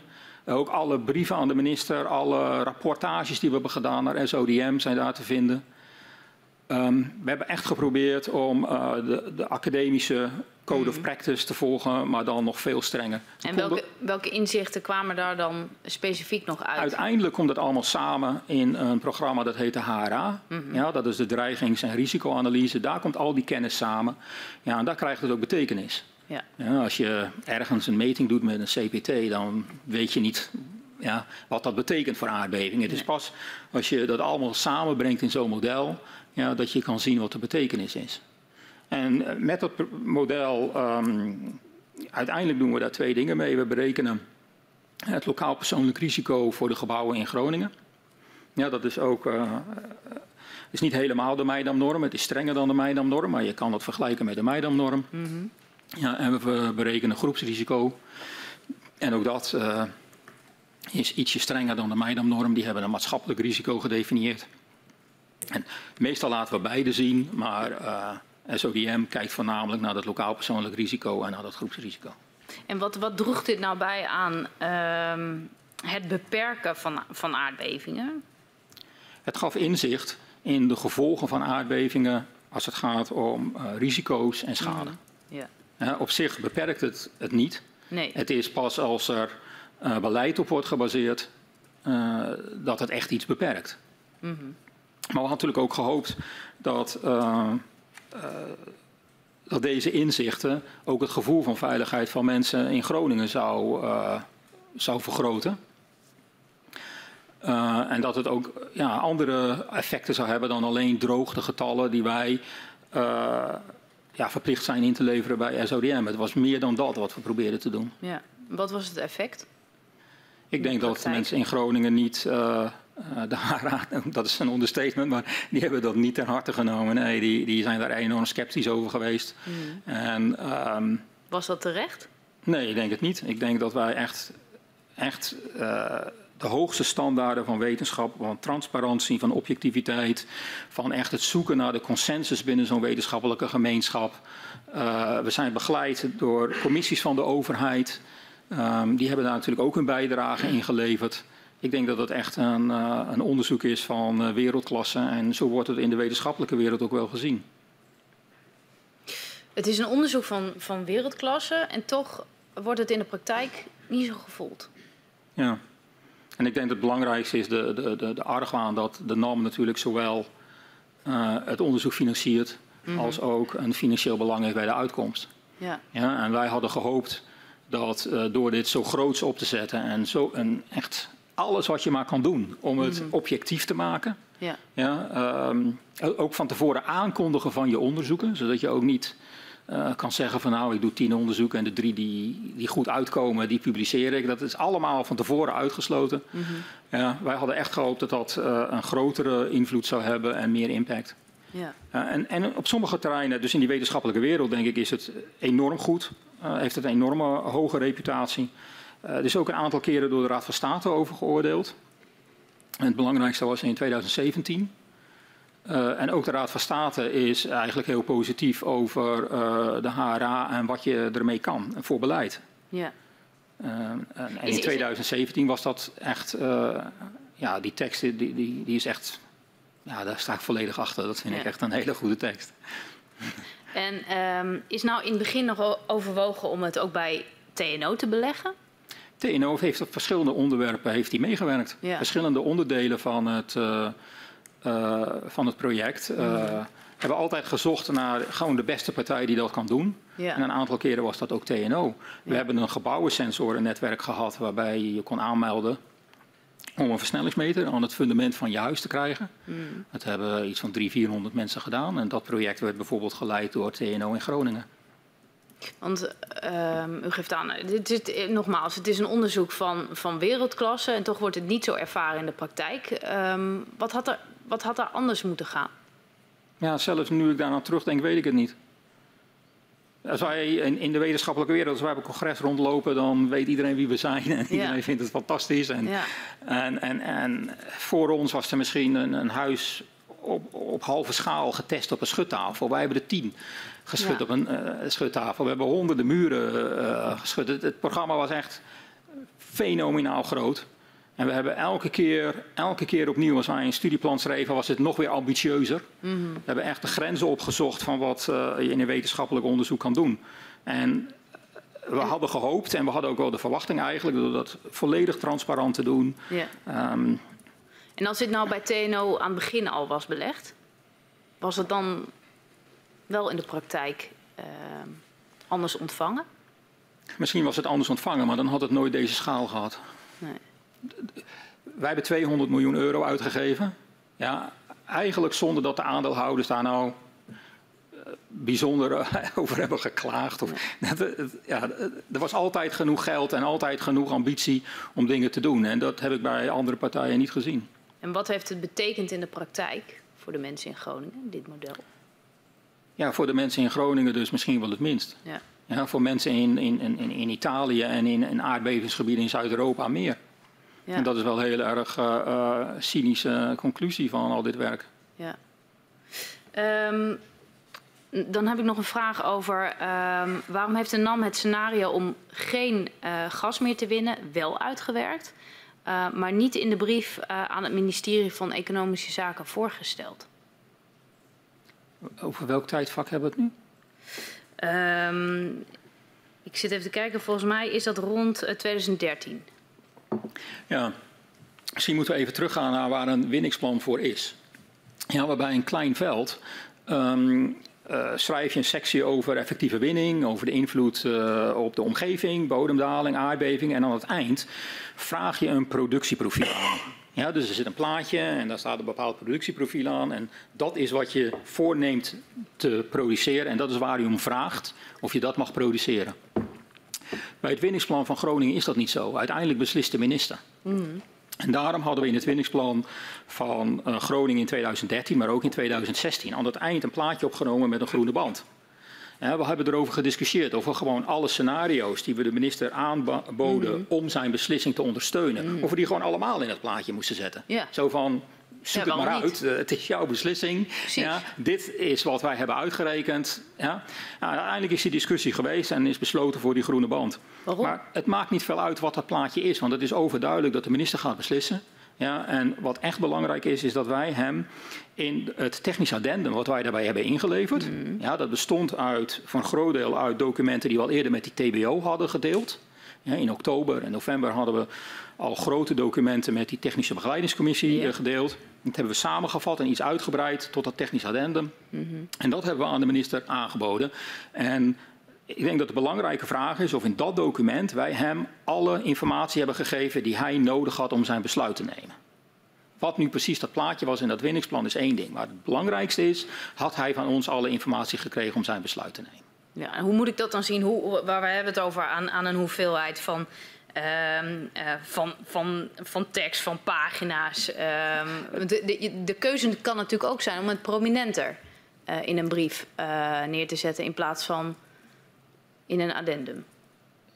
Ja, het technisch addendum is belangrijker in mijn ogen dan het winningsplan zelf. Ja? Het winningsplan was voor kleine velden is dat een perfect document, maar hier besluit de minister. Ja, wij vragen niet een profiel aan, ja, wij informeren de minister over hoe hij zijn. Uh, wij ondersteunen met het geven van data, met het uitwerken van scenario's, ondersteunen wij zijn beslissing. Mm -hmm. En in winningsplan um, 13 hadden wij twee scenario's van 30 BCM. Mm -hmm. En dan ga je er dus vanuit, hè, vanuit leveringszekerheid, dat je de vraag van Groningen volgt. Hè, dus met fluctuaties. En we hadden daar een versie van waarbij we uh, in het hele Groningenveld probeerden dezelfde druk te hebben. En we hadden een versie waar we de vijf Loppersum clusters insloten. Ja, en um, om in het gebied waar de hoogste seismiciteit was, ja, om daar de drukdaling, dat is dan tijdelijk, maar in ieder mm. geval uh, zo snel mogelijk te verminderen. We hadden twee scenario's voor 40 BCM. Ja, en we hadden een marktvraagscenario. Dus we hadden echt de bodem ja. Ja, van wat op dat moment werd gezien als uh, nog binnen de grenzen van leveringszekerheid. En het maximum zat allemaal in die scenario's. En um, had EZ ook de kennis in huis om uh, ja, die technische bijlage van de NAM te begrijpen? Uh, SO, het ministerie liet zich bijstaan door adviseurs. Ja, en die technische begeleidingscommissie ondergrond ja, en daarboven zat nog een, een, eh, een andere commissie, die werd geleid door Tanja Klip. Uh, die hadden duidelijk uh, die technische kennis om dat allemaal te begrijpen en, en, en te vertalen in beleidsopties. Maar ook binnen het ministerie zijn altijd mensen geweest die die kennis hadden. Die zeg maar een generalistische kennis hadden, net, net als mm. ik. U, u, had wel de indruk en, dat alle kennis goed overkwam? Ja, absoluut. Ja. ja. Er hebben altijd mensen gewerkt met een eh, technische achtergrond die dat overzicht hadden okay. en uh, dat konden vertalen in, in beleid. Ja. Um, dan, dan toch nog de vraag: het SODM keurt het winningsplan af. Ja. Um, dus uh, Economische Zaken heeft, heeft, heeft de beoordeling zelf gedaan. Hadden ze daar dan voldoende deskundigheid voor? Nou, de reden waarom SODM het winningsplan heeft afgekeurd, zoals ik dat lees, en dat is mm. mijn interpretatie van wat Jan de Jong heeft opgeschreven, is allereerst uh, een misverstand of, of, verschil van mening uh, over wat de risicoparameters waren. Ja, en dit gaat uiteindelijk terug naar het gebrek aan een norm op dat moment. Wij hadden buitenlandse wetenschappers ingeschakeld en waren erg gefocust op risk parameters die ook in het buitenland worden gebruikt, in de aardbevingswetenschappen. Mm -hmm. ja, en SODM, uh, dat heeft u ook gehoord, die was meer uh, van groepsrisico. Mm -hmm. uh, iets wat in overstromingen veel wordt gebruikt en echt een Nederlandse invulling is van een risicoparameter. Dat zie je in het buitenland veel minder. En zeker in de aardbevingswereld was nog nooit groepsrisico berekend. Daar komen we straks nog even verder op terug. Dus, dus dat was de eerste reden. Ja. En de tweede reden was dat Jan de Jong erg had gekeken naar dat laatste plaatje in het winningsplan. En had gezegd van nou dat daar vragen ze dus om. Ja, echt alsof het een klein veld was. Niet zozeer had gekeken naar al die scenario's in ons uh, technisch addendum. En uh, ja, als wij misschien het goede scenario in het plaatje hadden gezet, in het winningsplan, had hij het wel goedgekeurd.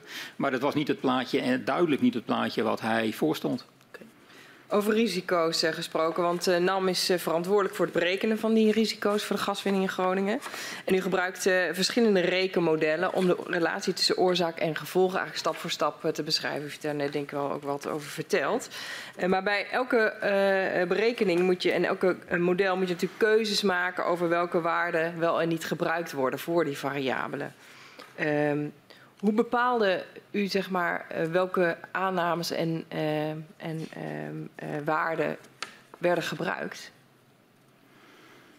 Um, ja, uiteindelijk he, heb je voor elk onderdeel van de keten heb je een aantal modellen. -huh. Mhm.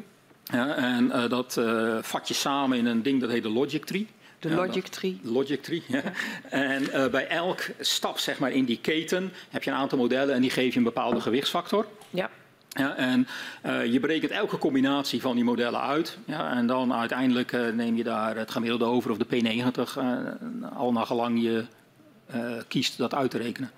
Ja, dat zijn de gesprekken met de technische begeleidingscommissie van de, van de ondergrond. En na 2014 de Scientific Advisory Committee. Daar zit het oordeel in van de wetenschappers. Mm -hmm. En ook de sturing en de, de, het inzicht van die commissies. Ja, en hoe gevoelig waren dan de uitkomsten voor de, ja, de keuzes die gemaakt werden rondom die variabelen? Ja, uiteindelijk zijn die inschattingen natuurlijk belangrijk. Ja. ja. Maar hoe, hoe, hoe grote ja, verschillen moet ik me voor de ja, dat, geest uh, dat is ook een heel belangrijk punt. Dat, uh, we hebben altijd geprobeerd om de onzekerheden goed weer te geven. Mm -hmm. ja, en je ziet bijvoorbeeld in de plaatjes van, el, van het lokaal persoonlijk risico... zie je een grijze band. Mm -hmm. ja? Dus de verschillen in die verschillende combinaties van keuzes van die modellen wordt weergegeven in die grijze band die in dat LPR-plaatje staat. Daar ja. kan je zien ja, wat, uh, wat de bandbreedte is voor een individueel huis ja, voor die keuzes. Ja, ja. En hoe vaak werden modellen en uh, variabelen nou aangepast omdat er nieuwe inzichten waren? In het begin was dat echt heel snel. En, en wat is heel snel? Een half jaar. Oké. Okay. Ja, dus uh, we hebben in mei 2015, november 2015, april 2016 hebben we gewoon in een heel korte periode drie van die analyses moeten doen. Ja. En, en wat, gedaan. En wat betekende dat voor de conclusies die daar uit de modellen voortkwamen?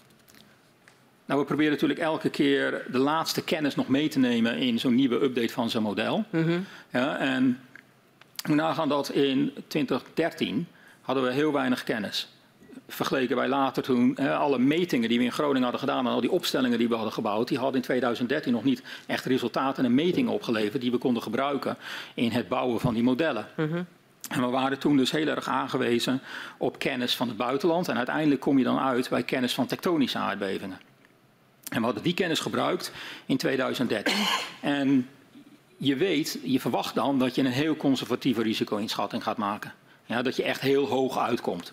Een stapeling van onzekerheden waarbij je bij elke onzekerheid hebt gekozen van voor het slechtste. Ja. Ja, en ik denk dat dat van een eh, ethisch gezichtspunt ook het juiste is. Ja, dat je steeds uitgaat van het slechte als je het niet weet.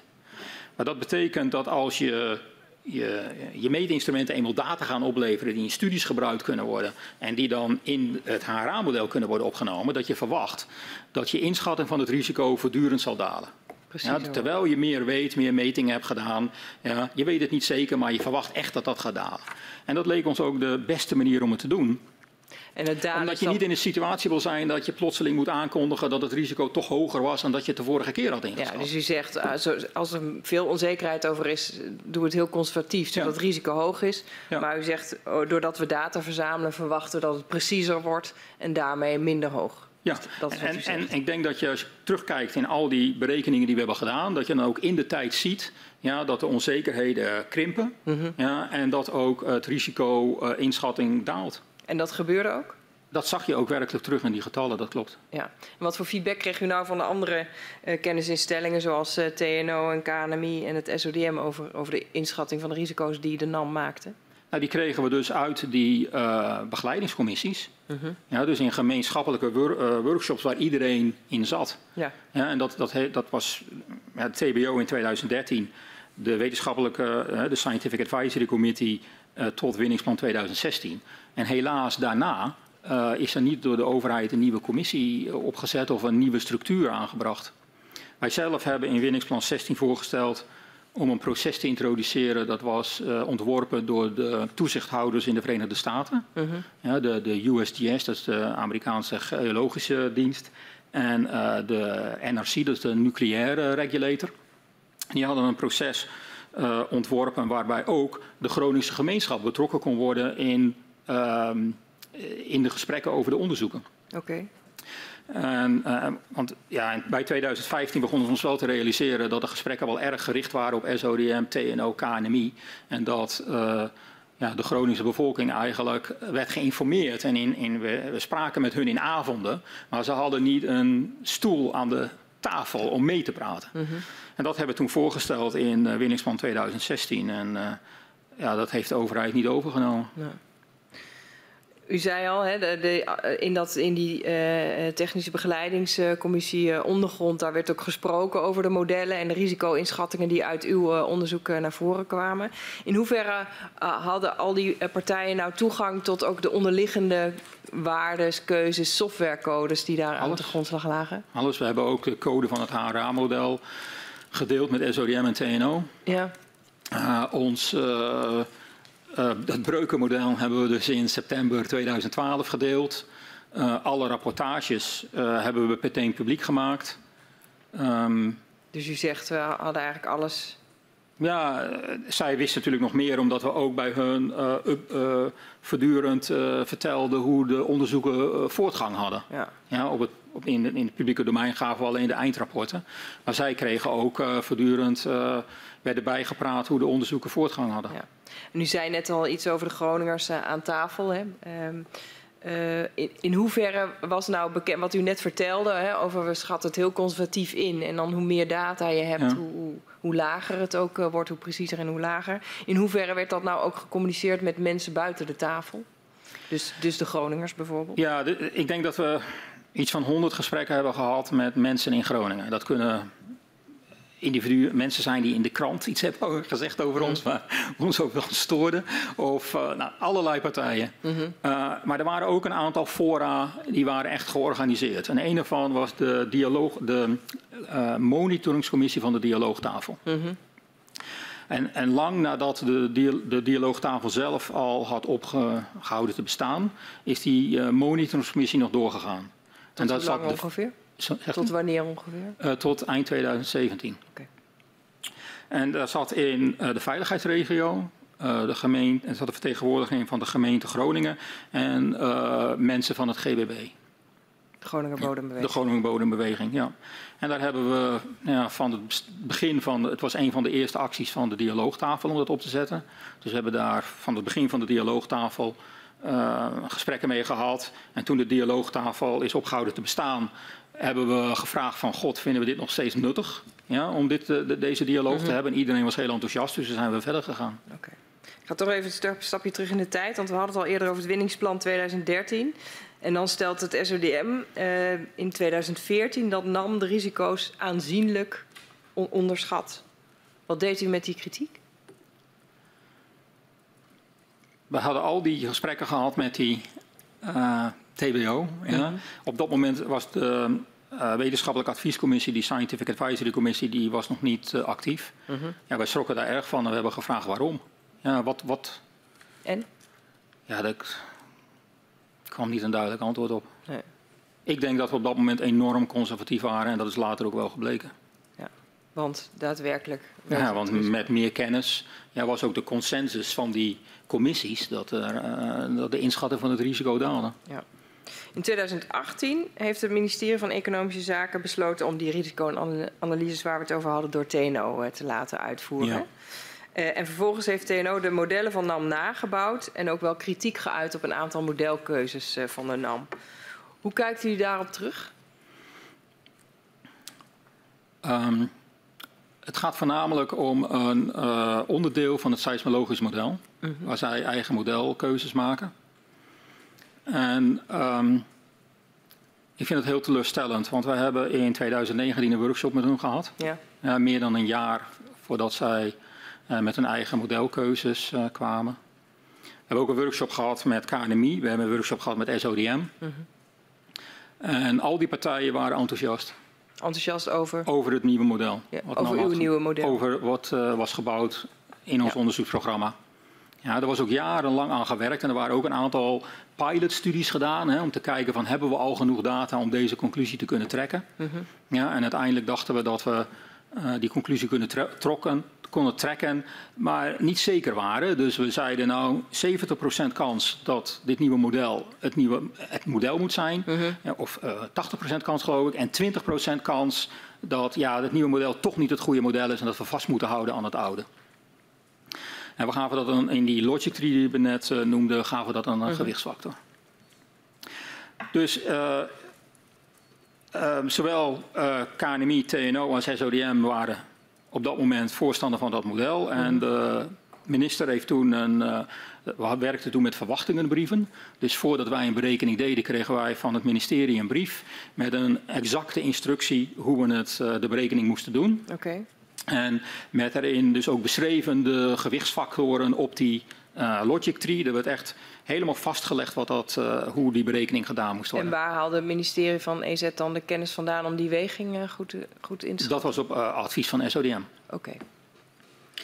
En u zei net, het was heel teleurstellend toen we daar... Nou ja, we hebben toen die berekeningen gedaan met de instellingen van ons onderzoek. Ja. ja. we hebben dat HRA-rapport ingeleverd bij de minister. De minister heeft het toen uh, aangeboden aan TNO voor advies. En pas toen kwamen die andere instellingen naar voren. Ja, en ook in de HRA die daarna is gebeurd en de HRA die dit jaar is gebeurd, uh, stond in de uh, verwachtingenbrief de instellingen zoals wij die in 2019 hadden voorgesteld. Dus zowel SODM als de minister zijn consistent, hebben die vastgehouden aan de instellingen zoals wij die zagen. Ja. En TNO heeft dus um, na die we het al een keer helemaal hadden gebruikt in een HRA-cycle, uh, ja, die nieuwe instellingen uh, voorgesteld. En wat verklaart het verschil tussen die instellingen, tussen de oude en de nieuwe? Ja, zij hebben een grote aarzeling om uh, dat nieuwe model te accepteren. En een grote aarzeling bedoel ik, in de logic tree hebben zij het getal 0. Ja, het is niet dat ze zeggen, nou, het is niet 80% kans dat dit het goede model is. Nee, het is nul. Dus ze verwerpen het. Ja, in de tekst zijn ze heel supportive, maar in de logic tree zie je dat ze het gewoon verwerpen. Oké. Okay. Nou, begreep ik dat uh, uh, er ook nog een effect is wat uh, al dan niet in het model zit. En het gaat over het kruipeffect dat meneer De Waal aangaf als het ja. gaat om bodemdaling. Kunt u dat kort toelichten hoe dat wel of niet in het model zit? Ja. Um, Het model van uh, de Waal wordt gebruikt door ons om bodemdaling te berekenen in Noord-Nederland. Mm -hmm. Dus ook in het Groningenveld. Mm -hmm. ja. Echter, voor de aardbevingen uh, gebruiken we het niet. Nee. En de reden daarvoor is dat wij een rijkdom aan data hebben van bodemdaling. Vooral in de laatste jaren waar het wordt gemeten met satellieten. Die komen elke zes weken doen die een nieuwe meting. Ja, en we hebben een rijkdom aan, aan uh, kennis van aardbevingen, de KNMI-catalogus. Ja. Ja, en hebben gekozen voor een constructie waarbij we die data maximaal uh, uh, proberen te gebruiken. Ja, en we doen het niet door een model uh, te gebruiken. We doen dat gewoon echt helemaal data-gedreven data gedreven. ja, een model. Ja, dus het model is geen onderdeel van nee. het model, om zo te nee, zeggen. het model is niet een onderdeel van het aardbevingenmodel. Uh, het, het, we hebben een data-gedreven model. Daar zit wel uh, een aanname in dat het lineair is. En omdat we met aardbevingen vijf jaar vooruit kijken en niet honderd jaar, ja, is dat uh, heel valide. Uh, het past, het, Groen, waarbij andere velden in Noord-Nederland echt het Van der Waal-model nodig hebben om een goede bodemdaling voorspelling te krijgen, het Groningen-model niet. Ja. Groningen is, is anders dan die andere velden in Noord-Nederland. Ja. En je hebt dat dus niet nodig. Ehm, en daardoor kan je een veel beter model bouwen. En ook een model waar de ruimtelijke verdeling van de, dus uit die enorme hoeveelheid data die we hebben van bodemdaling, kunnen we een veel betere ruimtelijke verdeling ook van de aardbevingen uh, verkrijgen. En echt een, een beter model bouwen. Ja, en u, u, staat daar ook nog helemaal achter, achter dat model. Ja, de, uh, het, het, is een, het, het, is ook het model wat TNO gebruikt. Ze gebruiken het weliswaar met andere instellingen, ja, maar het is wel hetzelfde model. Dan wil ik even door naar uh, de veiligheidsnormen. Want tot eind 2015 is er geen nationale veiligheidsnorm uh, waar de gaswinning aan moet voldoen. Um, wat betekende het ontbreken uh, van een nationale veiligheidsnorm voor de risico-inschattingen van de NAM? Ja, dat betekende dat wij um, in de periode dat er nog geen norm was en er werd gewerkt aan die norm, uh, moesten wij wel zeg maar, de code ontwikkelen, de capaciteit ontwikkelen om die berekeningen te kunnen doen. Mm. En dat betekende dat wij naar andere veiligheidsdomeinen hebben gekeken, ah, hè, omliggende veiligheidsdomeinen. En in analogie daarmee een, uh, een voorlopige zeg maar, uh, norm hebben uh, gebruikt. om onze codes te kunnen ontwikkelen, om die technieken te kunnen ontwikkelen. En bij de Meidam-norm bleek dat wij eigenlijk een, een strengere norm hadden ontwikkeld dan de Meidam-norm zelf. Ja, wij gebruiken lokaal persoonlijk risico. Dat sluit ook heel goed aan bij risicoberekening of aardbevingen, tektonische aardbevingen in mm andere landen. Uh, en de Meidam-norm stelde voor een objectgebonden individueel aardbevingsrisico. En het verschil tussen die twee is de verblijfstijd van mensen in een pand. Wij gingen uit van 100% verblijfstijd. Mm -hmm. ja, en uh, de Meidam-norm gaat uit van ja, verschillende verblijfstijden afhankelijk van het gebruik van het pand. Ja, bij een gevangenis of een ziekenhuis is het 100%, maar bij andere uh, gebruik van een pand uh, is dat lager. Dus de, de, de normen uh, die de NAM hanteren, hanteerde voordat er nog een, een, een nationale veiligheidsnorm was, die waren strenger dan de Meidam-norm die ja, later werd ontwikkeld. En in, in realiteit zijn we altijd het LPR blijven berekenen en ook publiceren in onze rapporten. Ja, vaak hadden we beide. Ja. ja en uh, ik denk dat de realiteit is dat het SODM altijd naar dat LPR heeft gekeken, dus naar dat uh, lokaal persoonlijk risico. Oké, okay, dus uh, toen, toen uh, de Meidan-norm er was, is het niet zo dat jullie aan die norm, tot, tot die norm zijn, zijn gaan verhouden, maar gebleven aan die wat striktere norm die jullie al ontwikkeld Ja, dat was in overleg met de SODM. Ja. ja en ook, um, ja, we hebben vaak beide gepubliceerd. Ja, het is, ja, je creëert erg veel tabellen in je rapport. Maar ja. is het niet gek dat er dan een nationale veiligheidsnorm komt die minder streng is dan de normen die al gehanteerd werden?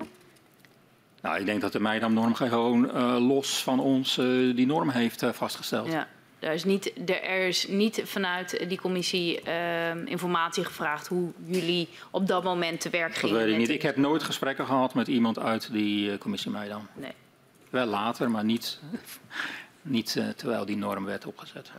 En, en um, nog even, want uh, in de industrieën hebben ook bepaalde normen, die industriële uh, risiconormen. Ja. Um, is het daar nou aan te linken? Is het gelijkwaardig ja, aan. Exact. Het, het, het, idee is dat het, het gelijkwaardig is aan die andere normen die gebruikt worden, bijvoorbeeld in de bouwnorm en, en andere normen, Schiphol, noem maar op. Ook, ook de zware industrieën? Ja, volgens mij wel. Ja.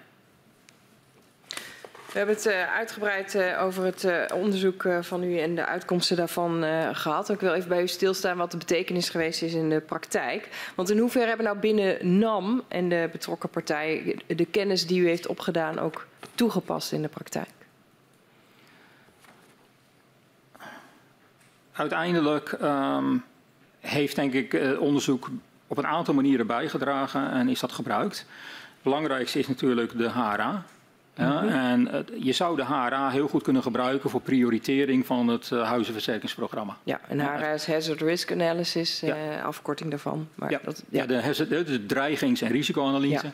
Ja. die, die geeft voor elk gebouw een, een bandbreedte, afhankelijk van wat we net bespraken, van het lokaal persoonlijk risico van elk gebouw in Groningen. Ja, en je kan op zijn minst, of je kan een, een ranking maken ja, met de meest onveilige gebouwen bovenaan. En, ja, en ja. je kan in die volgorde naar gebouwen gaan kijken en dat zou een optimalisatie geven van het versterkingsprogramma. Ja, en dat is deels gebruikt. Ja, niet dus. Nee, uiteindelijk niet. Nee, dat hadden we nog, zijn, heel, heel weinig. En, en, en dit, dit is best wel schrijnend, want Ja, in 2007 hadden we 105 huizen geïdentificeerd die wij echt onveilig vonden. 2007. 2007, november 2007. En eh, dat waren eh, drive-in woningen, waar je dus in de onderste verdieping een garage hebt en dus weinig dwarsverbanden. Eh, we zijn er ook gaan kijken en we zijn ook naar de bouwtekeningen gaan kijken en het was echt, ehm, ja, dat was echt zorgwekkend.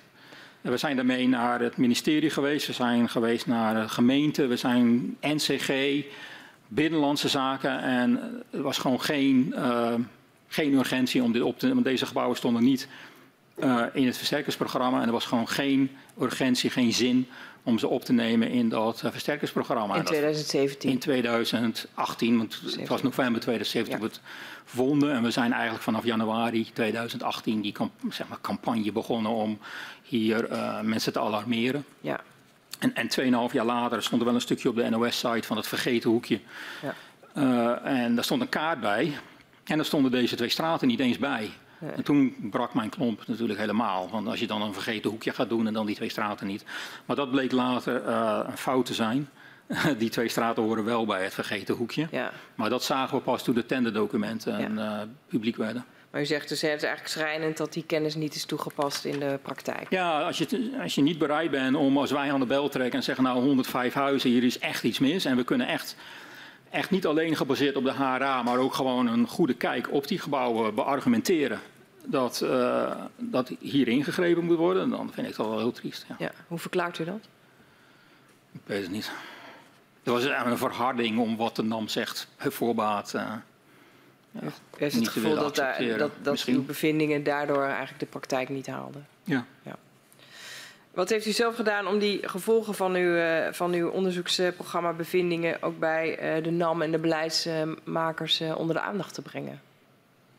Nou, eh, een andere manier waarop eh, de onderzoeken invloed hebben gehad is bijvoorbeeld het, eh, in het opstellen van de nieuwe bouwcode, de NPR. Mhm. Die onderzoekers hebben wel gebruik gemaakt van de rapporten die op onze website stonden van het testen van huizen en muren. En hebben ook onderzoek gedaan naar de, ja, de bindingskracht van voegen. en dat is allemaal gebeurd op de TU Delft. En dat onderzoek is daar ook gebruikt. Dat is wel Dus daar heeft het wel wat meer, via die route, heeft het wel wat meer invloed gehad. En met die route bedoelt u? Via de NEN, dus via de bouwcode. Ja, ja oké. En wat heeft u verder gedaan om, om uw bevindingen ook ja, bekend te maken bij de mensen die er beleid van zouden moeten maken? Oh, we zijn ook wel bij de NCG op bezoek geweest. Dus we hebben echt ons best gedaan om, eh, om, om, om dit eh, uit te dragen. En hoe was het binnen de NAM? Wat, was, eh, wat, wat, wat, wat, werd er binnen de NAM met uw onderzoeksbevindingen gedaan? Heel in het begin eh, werd eh, bijvoorbeeld een programma opgestart over schoorstenen. Hè, om die recht te zetten. Mhm. Nog niet dat we daar onderzoek naar hadden gedaan, maar hè, we keken naar plaatjes van een aardbeving in eh, België. En we zagen al die schoorstenen omleggen. En Mhm. dan denk je van ja, hier moeten we wel meteen wat aan doen dan. Dan hoeven we niet lang over na te denken. Ja, dat was, dat was geen uitkomst specifiek van nee, daar hoefden we niet lang op te studeren dat eh, een goed idee was. En andere dingen binnen de NAM? Nou, ik denk dat voornamelijk dat soort acties waren. Eh, we hadden natuurlijk naast ons ook een team werken dat werkte aan het versterkingsprogramma. Mhm. Ja, en daar werkten we wel mee samen. Ja. En eh, ja, het scholenprogramma, het, het, het, het programma voor de Jarino-huizen, eh, dat zijn allemaal uitkomsten van die groep. ja. En u vertelde al hè, over de verschillende onzekerheden en bandbreedtes en dergelijke. Hoe gingen nou anderen om met al die onzekerheden? Als u met hen sprak over uw bevindingen? Nou ja, we hebben geprobeerd om ten eerste alle onzekerheden te identificeren, ja, te kwantificeren. En dan hadden we onze code, was een Monte Carlo code. Zodat je gewoon een, een flexibele code hebt waarin je al die onzekerheden kan meenemen en meewegen. Eh, en daarna is natuurlijk eh, het belangrijk dat je eh, dat goed communiceert. En in de plaatjes in onze HRA en onze dreigings- en risicoanalyses zie je die grijze banden. Er is een plaatje waarin we laten zien hoeveel aardbevingen we voorspellen in de komende jaren. Dat zijn dan aardbevingen van anderhalf en groter. Ja, en daar zie je de grijze band. Je kan zien ja, wat wij denken dat eh, eh, de 90% band is waarbinnen dat getal moet vallen. Ja. En wat En- gebeurde er met de maximale magnitude eigenlijk? Naar aanleiding van uw onderzoeksprogramma en deze Ja, dus uh, in beeld, beeld. 2013 hadden we dus de maximale magnitude losgelaten. Ja. En we hebben toen in onze risicoberekeningen eigenlijk het maximum wat je realistisch nog kan voorstellen genomen als een maximum in die berekeningen. En dat is het idee dat alle energie die in die breuken zit opgeslagen, dat die in één keer vrijkomt. Mhm. ja, en ook nog heel geconcentreerd. Dus het is een, eh, echt een maximum, het is echt een, een scenario wat je nooit zal overschrijden, tenzij er ook nog tektonische stresses zijn. Ja, en, en nooit is 0,0 Nou ja, de wet van behoud van energie uh, uh, beperkt je nu. Ja. ja um, en dan kom je uit op een hele hoge waarde. Maar dat zeiden we al, dat was ook deel van de filosofie. Dat je een waarde kiest die je nooit naar boven hoeft buiten te stellen. In, um, in 1 april 2016 hebben we het winningsplan ingeleverd. Mm -hmm. Maar origineel was de planning dat we dat zouden doen op 1 juli. En daarom hadden we in maart een MAX-workshop georganiseerd. En door dat vervroegen van die deadline konden we dus dat resultaat niet meenemen in onze berekeningen van winningsplan 16. En wat betekent dat? Nou ja, dat we nog door moesten gaan met dat hele conservatieve inschatting. Oké. En uh, bij die MAX-workshop hadden wij echt de beroemde mensen die in andere gebieden dit soort studies hebben gedaan. Ja. En uh, mensen hadden we uitgenodigd om te kijken naar de AMAX van Groningen. Dus dan hadden we in 2015 hun al aangeschreven met van god zouden jullie voor onze studie willen doen en presenteren op die MAX-workshop. En um, uh, in maart is die geweest en uh, daar hebben de, een panel van experten. Mhm. Mm -hmm. en, en, dat zijn echt, als je die mensen googelt en hun resume ziet, dan zijn dat echt wel de experten ter wereld. Uh, die hebben daar een verdeling van de MAX met ons gedeeld. En in latere hazard- en risicoanalyses gebruiken we die verdeling. Ja. Maar het probleem daarmee is, is dat die verdeling heel vaak werd misbegrepen. Wat bedoelt u daarmee? Uh, uiteindelijk wat die verdeling is, het zijn gewichten op een logic tree. Ja? Ja. Dus er is een kans dat de max iets is. Mhm. ja? Maar mensen interpreteren dat vaak als de kans dat zo'n aardbeving gaat optreden. En dat is iets heel anders. Dat zijn heel verschillende dingen. Een beetje zoals het tot 2012 ook werd opgevat. Ja. En, en dat, een van de belangrijkste mensen die ons heeft bekritiseerd, dat was uh, professor Saint-Hubert uit Leuven. Mhm. Die uh, had in uh, begin 2016 een stuk geschreven van een gaswinnen doet geen wetenschap. Dat, nou, dat vonden wij verschrikkelijk dat hij dat had gedaan. Daar waren we echt heel teleurgesteld over. Mhm. Maar die heeft midden 2016 op zijn blog uitgelegd hoe die MAX werkt. En dat was echt een fantastische uh, bijdrage die hij daar heeft geleverd. Oké. Dus op dat moment was hij misschien wel wat milder geworden naar ons toe. En uh, ja, een communicatie die wij niet hadden kunnen maken, heeft hij dat toen gedaan. Ja. Op, op, op welke manier bent u nu nog betrokken bij uh, de bevingen in Groningen? Het is nog bijna mijn volledige dagtaak. We hebben uh, door corona zijn een aantal onderzoeken. Dus in 2018 hebben we een nieuw, uh, ik denk 19 eigenlijk, hebben we een nieuw studieplan geschreven. En we hebben met SODM rond de tafel gezeten en we zeggen, nou, dit gaan we dus niet doen, dat gaan we niet doen, dat gaan we niet doen, dat gaan we niet doen, maar dit moeten we afmaken, mm -hmm. dat gaan we afmaken, dat gaan we niet doen, dat gaan we niet doen. En er zaten echt wel projecten bij die uh, na aan mijn hart lagen, zeg maar. En uh, we hebben toen uh, eigenlijk de opdracht gekregen om nog een MAX-workshop te organiseren. Dat vonden we zelf ook een... Dat was in juni? Die is in juni geweest dit Ja. jaar. Ja. Maar die was, al mid, die was natuurlijk gepland. Uh, dat, dat is omdat die twee jaar is uitgesteld door die coronacrisis. Ja. Want voor zo'n MAX-workshop is het echt heel belangrijk dat je elkaar ziet. Mhm. Ja, dat kan je niet via Zoom of zoiets doen. Dat, Nee. dat, dat, dat werkt niet. Dat was een vijfdaagse, toch? Ja, dat heet, Ja. ja. zoiets doet. Ja. je, je, je vraagt een, een twintigtal wetenschappers om uh, onderzoek te doen naar die maximale magnitude. Ja. Ja, en uh, sommigen hebben al bestaande methodieken en dan is het vrij makkelijk. Sommigen hebben we ook gevraagd om hele grote me- geomechanische studies uit te voeren. Uh, echt, die echt meer dan een jaar hebben geduurd bijvoorbeeld. Ja, en in juni hebben we hebben dat event gehad hier in Amsterdam. Wa- waarom hadden jullie dat eh, georganiseerd? Nog even voor mij. Omdat uh, er waren eigenlijk, uh, voor mij was een van de redenen dat heel veel onderzoek dat was gedaan, wilden we daar presenteren. Mm. En dat was een soort van afsluiting van het programma. Ja. Ja, maar het was ook zo dat er zoveel meer kennis was over aardbevingen in Groningen, dat we konden veronderstellen dat het panel nu tot een andere conclusie zou komen. Ja, we wisten zoveel meer Mm -hmm. ja, dat, um, ja, dat mogelijk ja, dat je eigenlijk mocht verwachten of je hoopt ja, dat de commissie met al die nieuwe data en al die nieuwe kennis tot een andere conclusie zou komen. En dat waren de twee redenen om dat te doen. En nadat we het uh, geloof ik drie keer hebben georganiseerd uh, en elke keer moesten uitstellen, uh, is het in juni gebeurd. Ja. En, en was dat nog van, van wie kwam die opdracht dat jullie dit moesten organiseren? Of was dat vanuit dat hadden we origineel zelf in het studieplan geschreven. Oké. Okay. Ja, en uh, in het gesprek met SODM, welke onderzoeken stoppen we, mm. was dit er één waar ook SODM zei nee, die moet nog doorgaan. Ja, en wat, wat was nou het belangrijkste inzicht over die uh, uh, maximaal te verwachten magnitude in Groningen? In 2016 kwam er dus een verdeling uit, ja. Ja, die echt een stuk lager lag dan de conservatieve waarden die wij hadden gebruikt. Ja. En nu weten we het nog niet, want we zitten nog te wachten op het, uh, het panel moet zijn oordeel nog met ons delen. Oh, oké. Okay. Ja, ik, die, die, die, ik denk die conferentie is geweest. Die is dan, geweest, dan komt ja. Het ook, en het panel dat... is nu alles aan het overwegen, okay. al die rapporten nog aan het lezen. Ja. En we zitten nog met, uh, ja, met spanning ja. zeg maar, te wachten. Oké. Okay. Um, Zoals u aan het begin van dit verhoor ook heeft uh, uitgelegd, dat, uh, bent u als development lead Groningen Asset ook gespecialiseerd in het berekenen van de capaciteit van het Groningerveld. In hoeverre kan NAM de seismiciteit in het Groningerveld beïnvloeden door bijvoorbeeld het managen van drukverschillen in het veld? Ja, dus toen in de, tot eind 2013 hadden we een, probeerden we een enkele druk te handhaven in het hele veld. He, dus waar je ook de druk zou meten, binnen een bepaalde marge kreeg je altijd hetzelfde uitkomst. Mm -hmm. Met het insluiten van de Loppersum clusters is dat aan de kant geschoven. Uh, en het idee was dat de druk in Loppersum dan langzamer zou dalen, omdat mm -hmm. er geen productie in dat gebied was. Mm -hmm. En dat de seismiciteit in dat gebied zou afnemen. Dat hebben we ook gezien.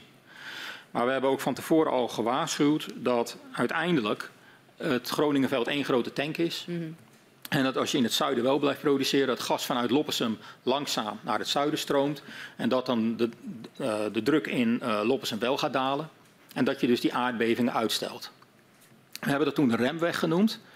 Omdat uh, zeg maar, als je het veld zou insluiten, ja, je nu een remweg had van aardbevingen. Mm -hmm. ja, en je dus een, een soort van vertraging in een in de respons van de aardbeving zou krijgen. Ja. En op dit moment zitten we in die remweg.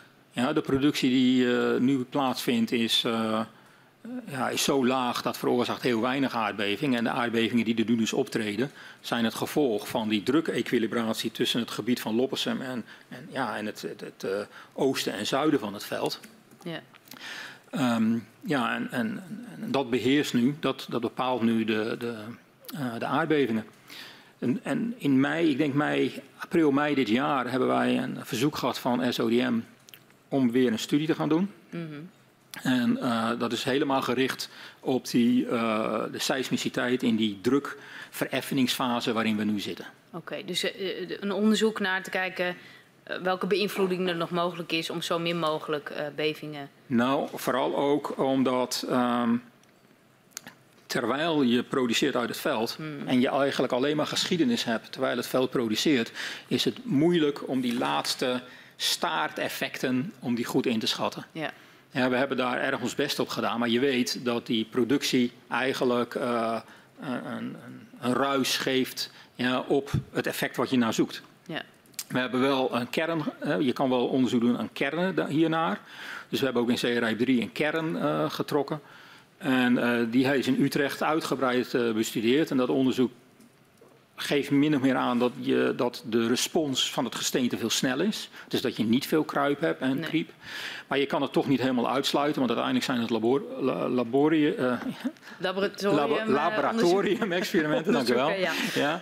Uh, en um, het is dus op zich wel heel erg nuttig om nu zo'n onderzoek te starten. Dit is een goed moment. Ja. Nou, in, in juni maakte staatssecretaris Hans uh, Velbrief bekend dat Groningenveld in oktober teruggaat naar ongeveer 2,8 miljard uh, kubieke Mhm. meter. Wat zijn volgens u de consequenties voor de seismi seismiciteit als er toch meer gas wordt gewonnen? Ja, eind vorig jaar hebben we een discussie gehad over meer gas produceren. Dat kwam, dat kwam voort uit uh, een vertraagde ingebruikname van de stikstofmenginstallatie. En dan gaat het over kleine volumes, een paar BCM. Dat heeft geen merken we geen grote invloed op de seismiciteit. Uiteindelijk overheerst dan nog steeds die remweg. Maar als u nu vraagt naar meer, we zitten nu in een andere wereld. -hmm. ja, en als u nu vraagt naar uh, meer productie uit Groningen, dan denk ik meer in de context van de huidige politieke situatie. En dat je dus praat over grotere volumes dan dat. Uh, het Groningenveld zou nu. We hebben veel locaties al afgebroken. Yeah. En putten zit cement in, mm -hmm. afgelopen. Uh, maar wat er nog resteert, zouden we iets tussen de 22 en de 25 BCM per jaar kunnen produceren. Maar mijn vraag was, wat, wat zijn dan de consequenties? En dat heeft onmiddellijk consequenties. Dat soort volumes hebben onmiddellijk consequenties voor seismiciteit.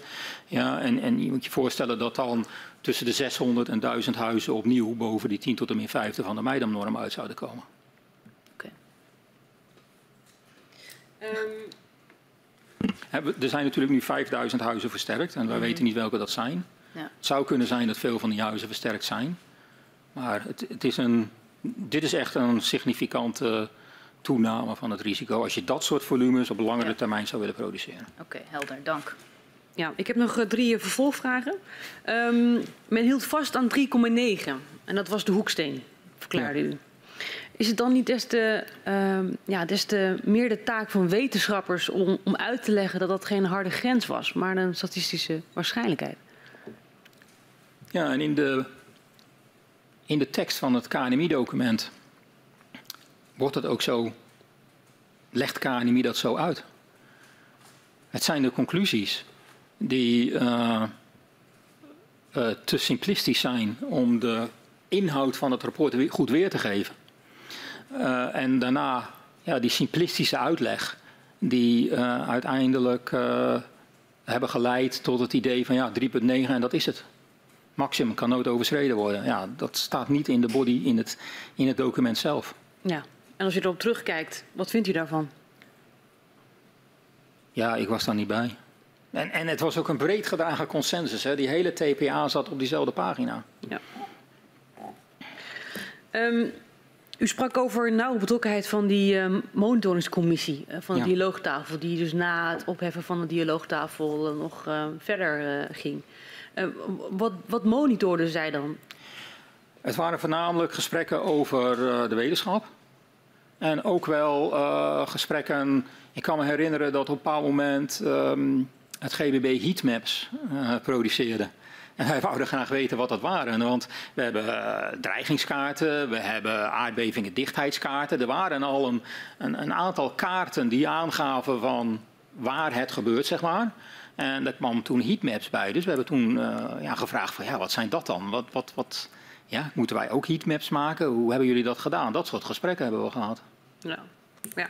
Maar, de, maar de dialoogtafel um, had het niet over uh, productie Nee, nee, nee. van gaswinning? Ik heb in de documentatie van de dialoogtafel heel weinig, heel weinig teruggezien van deze uh, ja, vrij intensieve uh, workshops. Want ook KNMI, TNO, SODM, die waren er allemaal bij.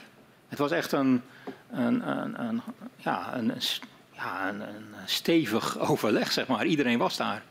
Ja. ja uh, er was trouwens nog een tweede regulier overleg. Dat was met de Stichting Mijnbouwschade en Gasberaad. Ja, ik denk dat we daar ook elke paar maanden jarenlang uh, zijn geweest om ja, dingen waar zij om vroegen, waar zij me, ja, interesse in hadden, om dat met hun te bespreken. Oké. In, in, in, 2018 is NAM op afstand gezet eh, door het ministerie van Economische Zaken. Ja. En daardoor is ook het onderzoeksprogramma gestopt. Ja. Um, wat zijn de gevolgen geweest van deze beslissing voor de kennisontwikkeling? Ja, voor mij was dat heel teleurstellend. Ik had echt verwacht dat um, heel goed was om NAM op afstand te zetten bij de schadeafhandeling, bij versterken, zelfs bij het doen van de risicoberekeningen. maar onderzoek ja, uh, ik vond het heel goed dat andere partijen zoals DeepNL, waar wij ook een bijdrage aan hebben geleverd, uh, via NWO onderzoek is gaan doen. Heel goed dat CAM is uh, gekomen.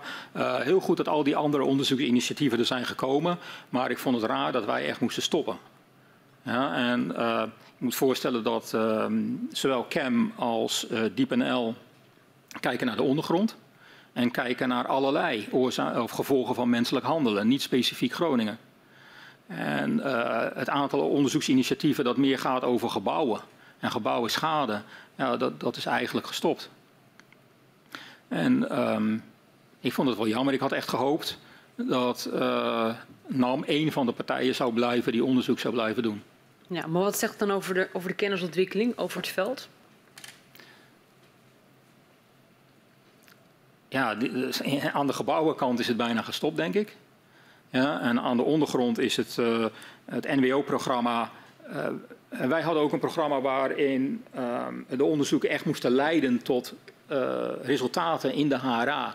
En ook het, uh, het, tijdschema echt in de pas liep met het tijdschema van EZ. Ja, er waren gewoon deadlines zodat het in de HRA kan worden meegenomen.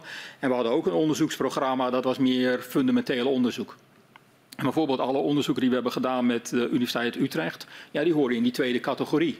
Dat was heel ambitieus en je kon niet zeggen van nou op deze datum moet je dat inleveren, want ja, zo werkt fundamenteel onderzoek natuurlijk niet.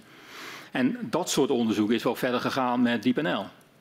Ja. ja maar um, er zit een groot verschil tussen hoe de NAM het onderzoek deed en, en het nu gaat wij hadden een visie van we moeten uh, een zeker begrip hebben van uh, de aardbevingen, zodat we risico's kunnen inschatten. Bepaalde vragen die wij hadden kunnen worden gesteld. En dat waren hele ambitieuze vragen. En als we naar wetenschappers toe gingen, dan was het duidelijk dat we een programma gingen opzetten uh, met financiering totdat we het antwoord hadden, hoe lang het ook zou duren. Mm -hmm. ja, en zo werkt NWO niet. Je doet een, wetenschappers doen een, een voorstel om iets te gaan uitzoeken.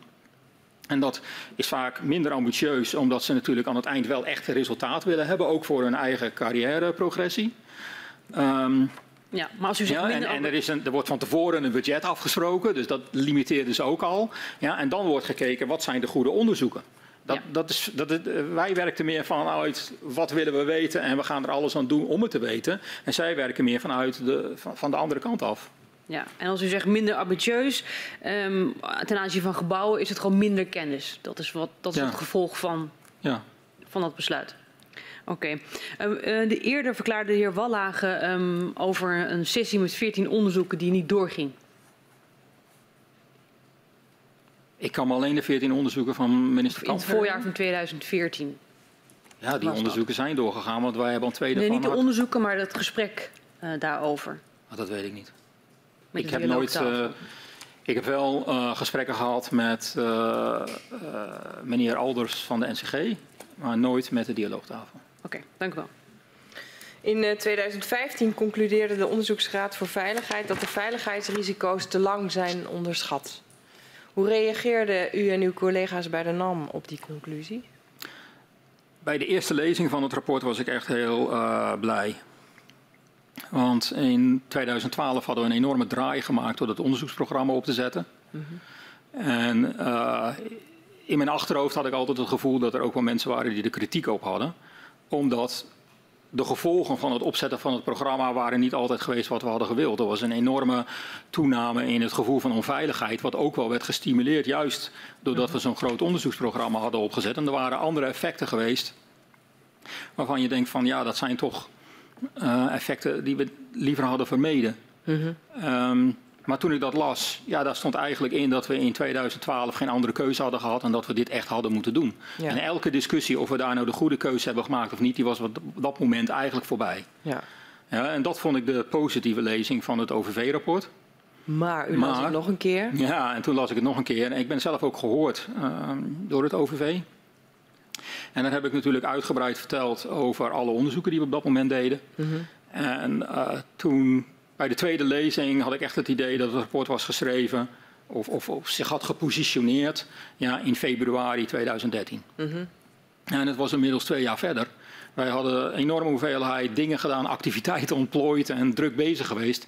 En er was geen enkele erkenning van, dat kwam gewoon niet terug in het rapport. Nee. En zeker omdat ik zelf ook een gesprek met ze had gehad en ja, ze daar natuurlijk uitgebreid met enthousiasme over had verteld, uh, vond ik dat teleurstellend. Dat dat, ja, dat, dat uh, in het rapport niet, uh, niet aandacht had gekregen. Ja, en bij uw collega's bij de NAM, hoe viel het daar? Nou, bij de collega's die werkten aan de onderzoeken, en die hadden dezelfde gevoel van ja, weet je, in, twee, in, februari 2013 had dit een fantastisch rapport geweest, maar nu had je ook verwacht een hoofdstuk over wat er allemaal wel is gebeurd. Maar er was natuurlijk ook kritiek op het gasgebouw en op andere dingen waar ik niet bij betrokken was. En die was wel wat, uh, daar hadden mijn collega's wel wat uh, ja, wat andere ideeën over. En wat waren die andere ideeën? Ja, dat, dat moeten we hun vragen. Dat was, ik, is niet mijn, eh, was niet mijn interesse op dat moment. Wat vindt u dat de NAM anders had kunnen of moeten doen om een verantwoorde en dus veilige winning langer door te kunnen laten gaan? Ik denk dat de winning in 2013 een enorme erosie is geweest van het vertrouwen in, in alles. Mhm. Ja, in de overheid, in de NAM, ook in de onderzoeken die de NAM deed. En ehm, dat dat de, eh, in hindsight, als je nu terugkijkt, eh, de eerste stap was geweest die we anders hadden moeten zetten. Ja, en wat had de NAM anders moeten doen? Had meteen productie moeten verlagen om te laten zien dat, ehm, dat we het serieus namen. Meteen begin 2013, zegt u. Ja, zelfs als, eh, als je ervan overtuigd bent dat het voor eh, de veiligheid niets doet. eh, wat we op dat moment in dat paradigm van we gaan toch alles produceren eh, hadden. Dan nog had het een erkenning geweest dat er een serieus probleem was. En het gevoel van onveiligheid en de woede. en, en ja, de emoties hadden dan anders geweest. Dank u wel. We zijn eh, uitgevraagd. Ik dank u voor uw medewerking en ik verzoek de griffier om eh, u en uw eh, steunverlener, de heer Lemstra, naar buiten te begeleiden.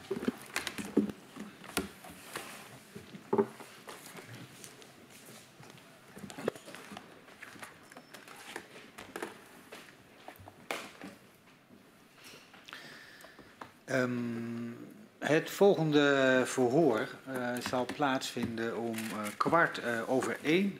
En dan eh, zullen we spreken met de heer Schotman, eh, ook een eh, directeur van NAM. Ik sluit de vergadering tot kwart over één.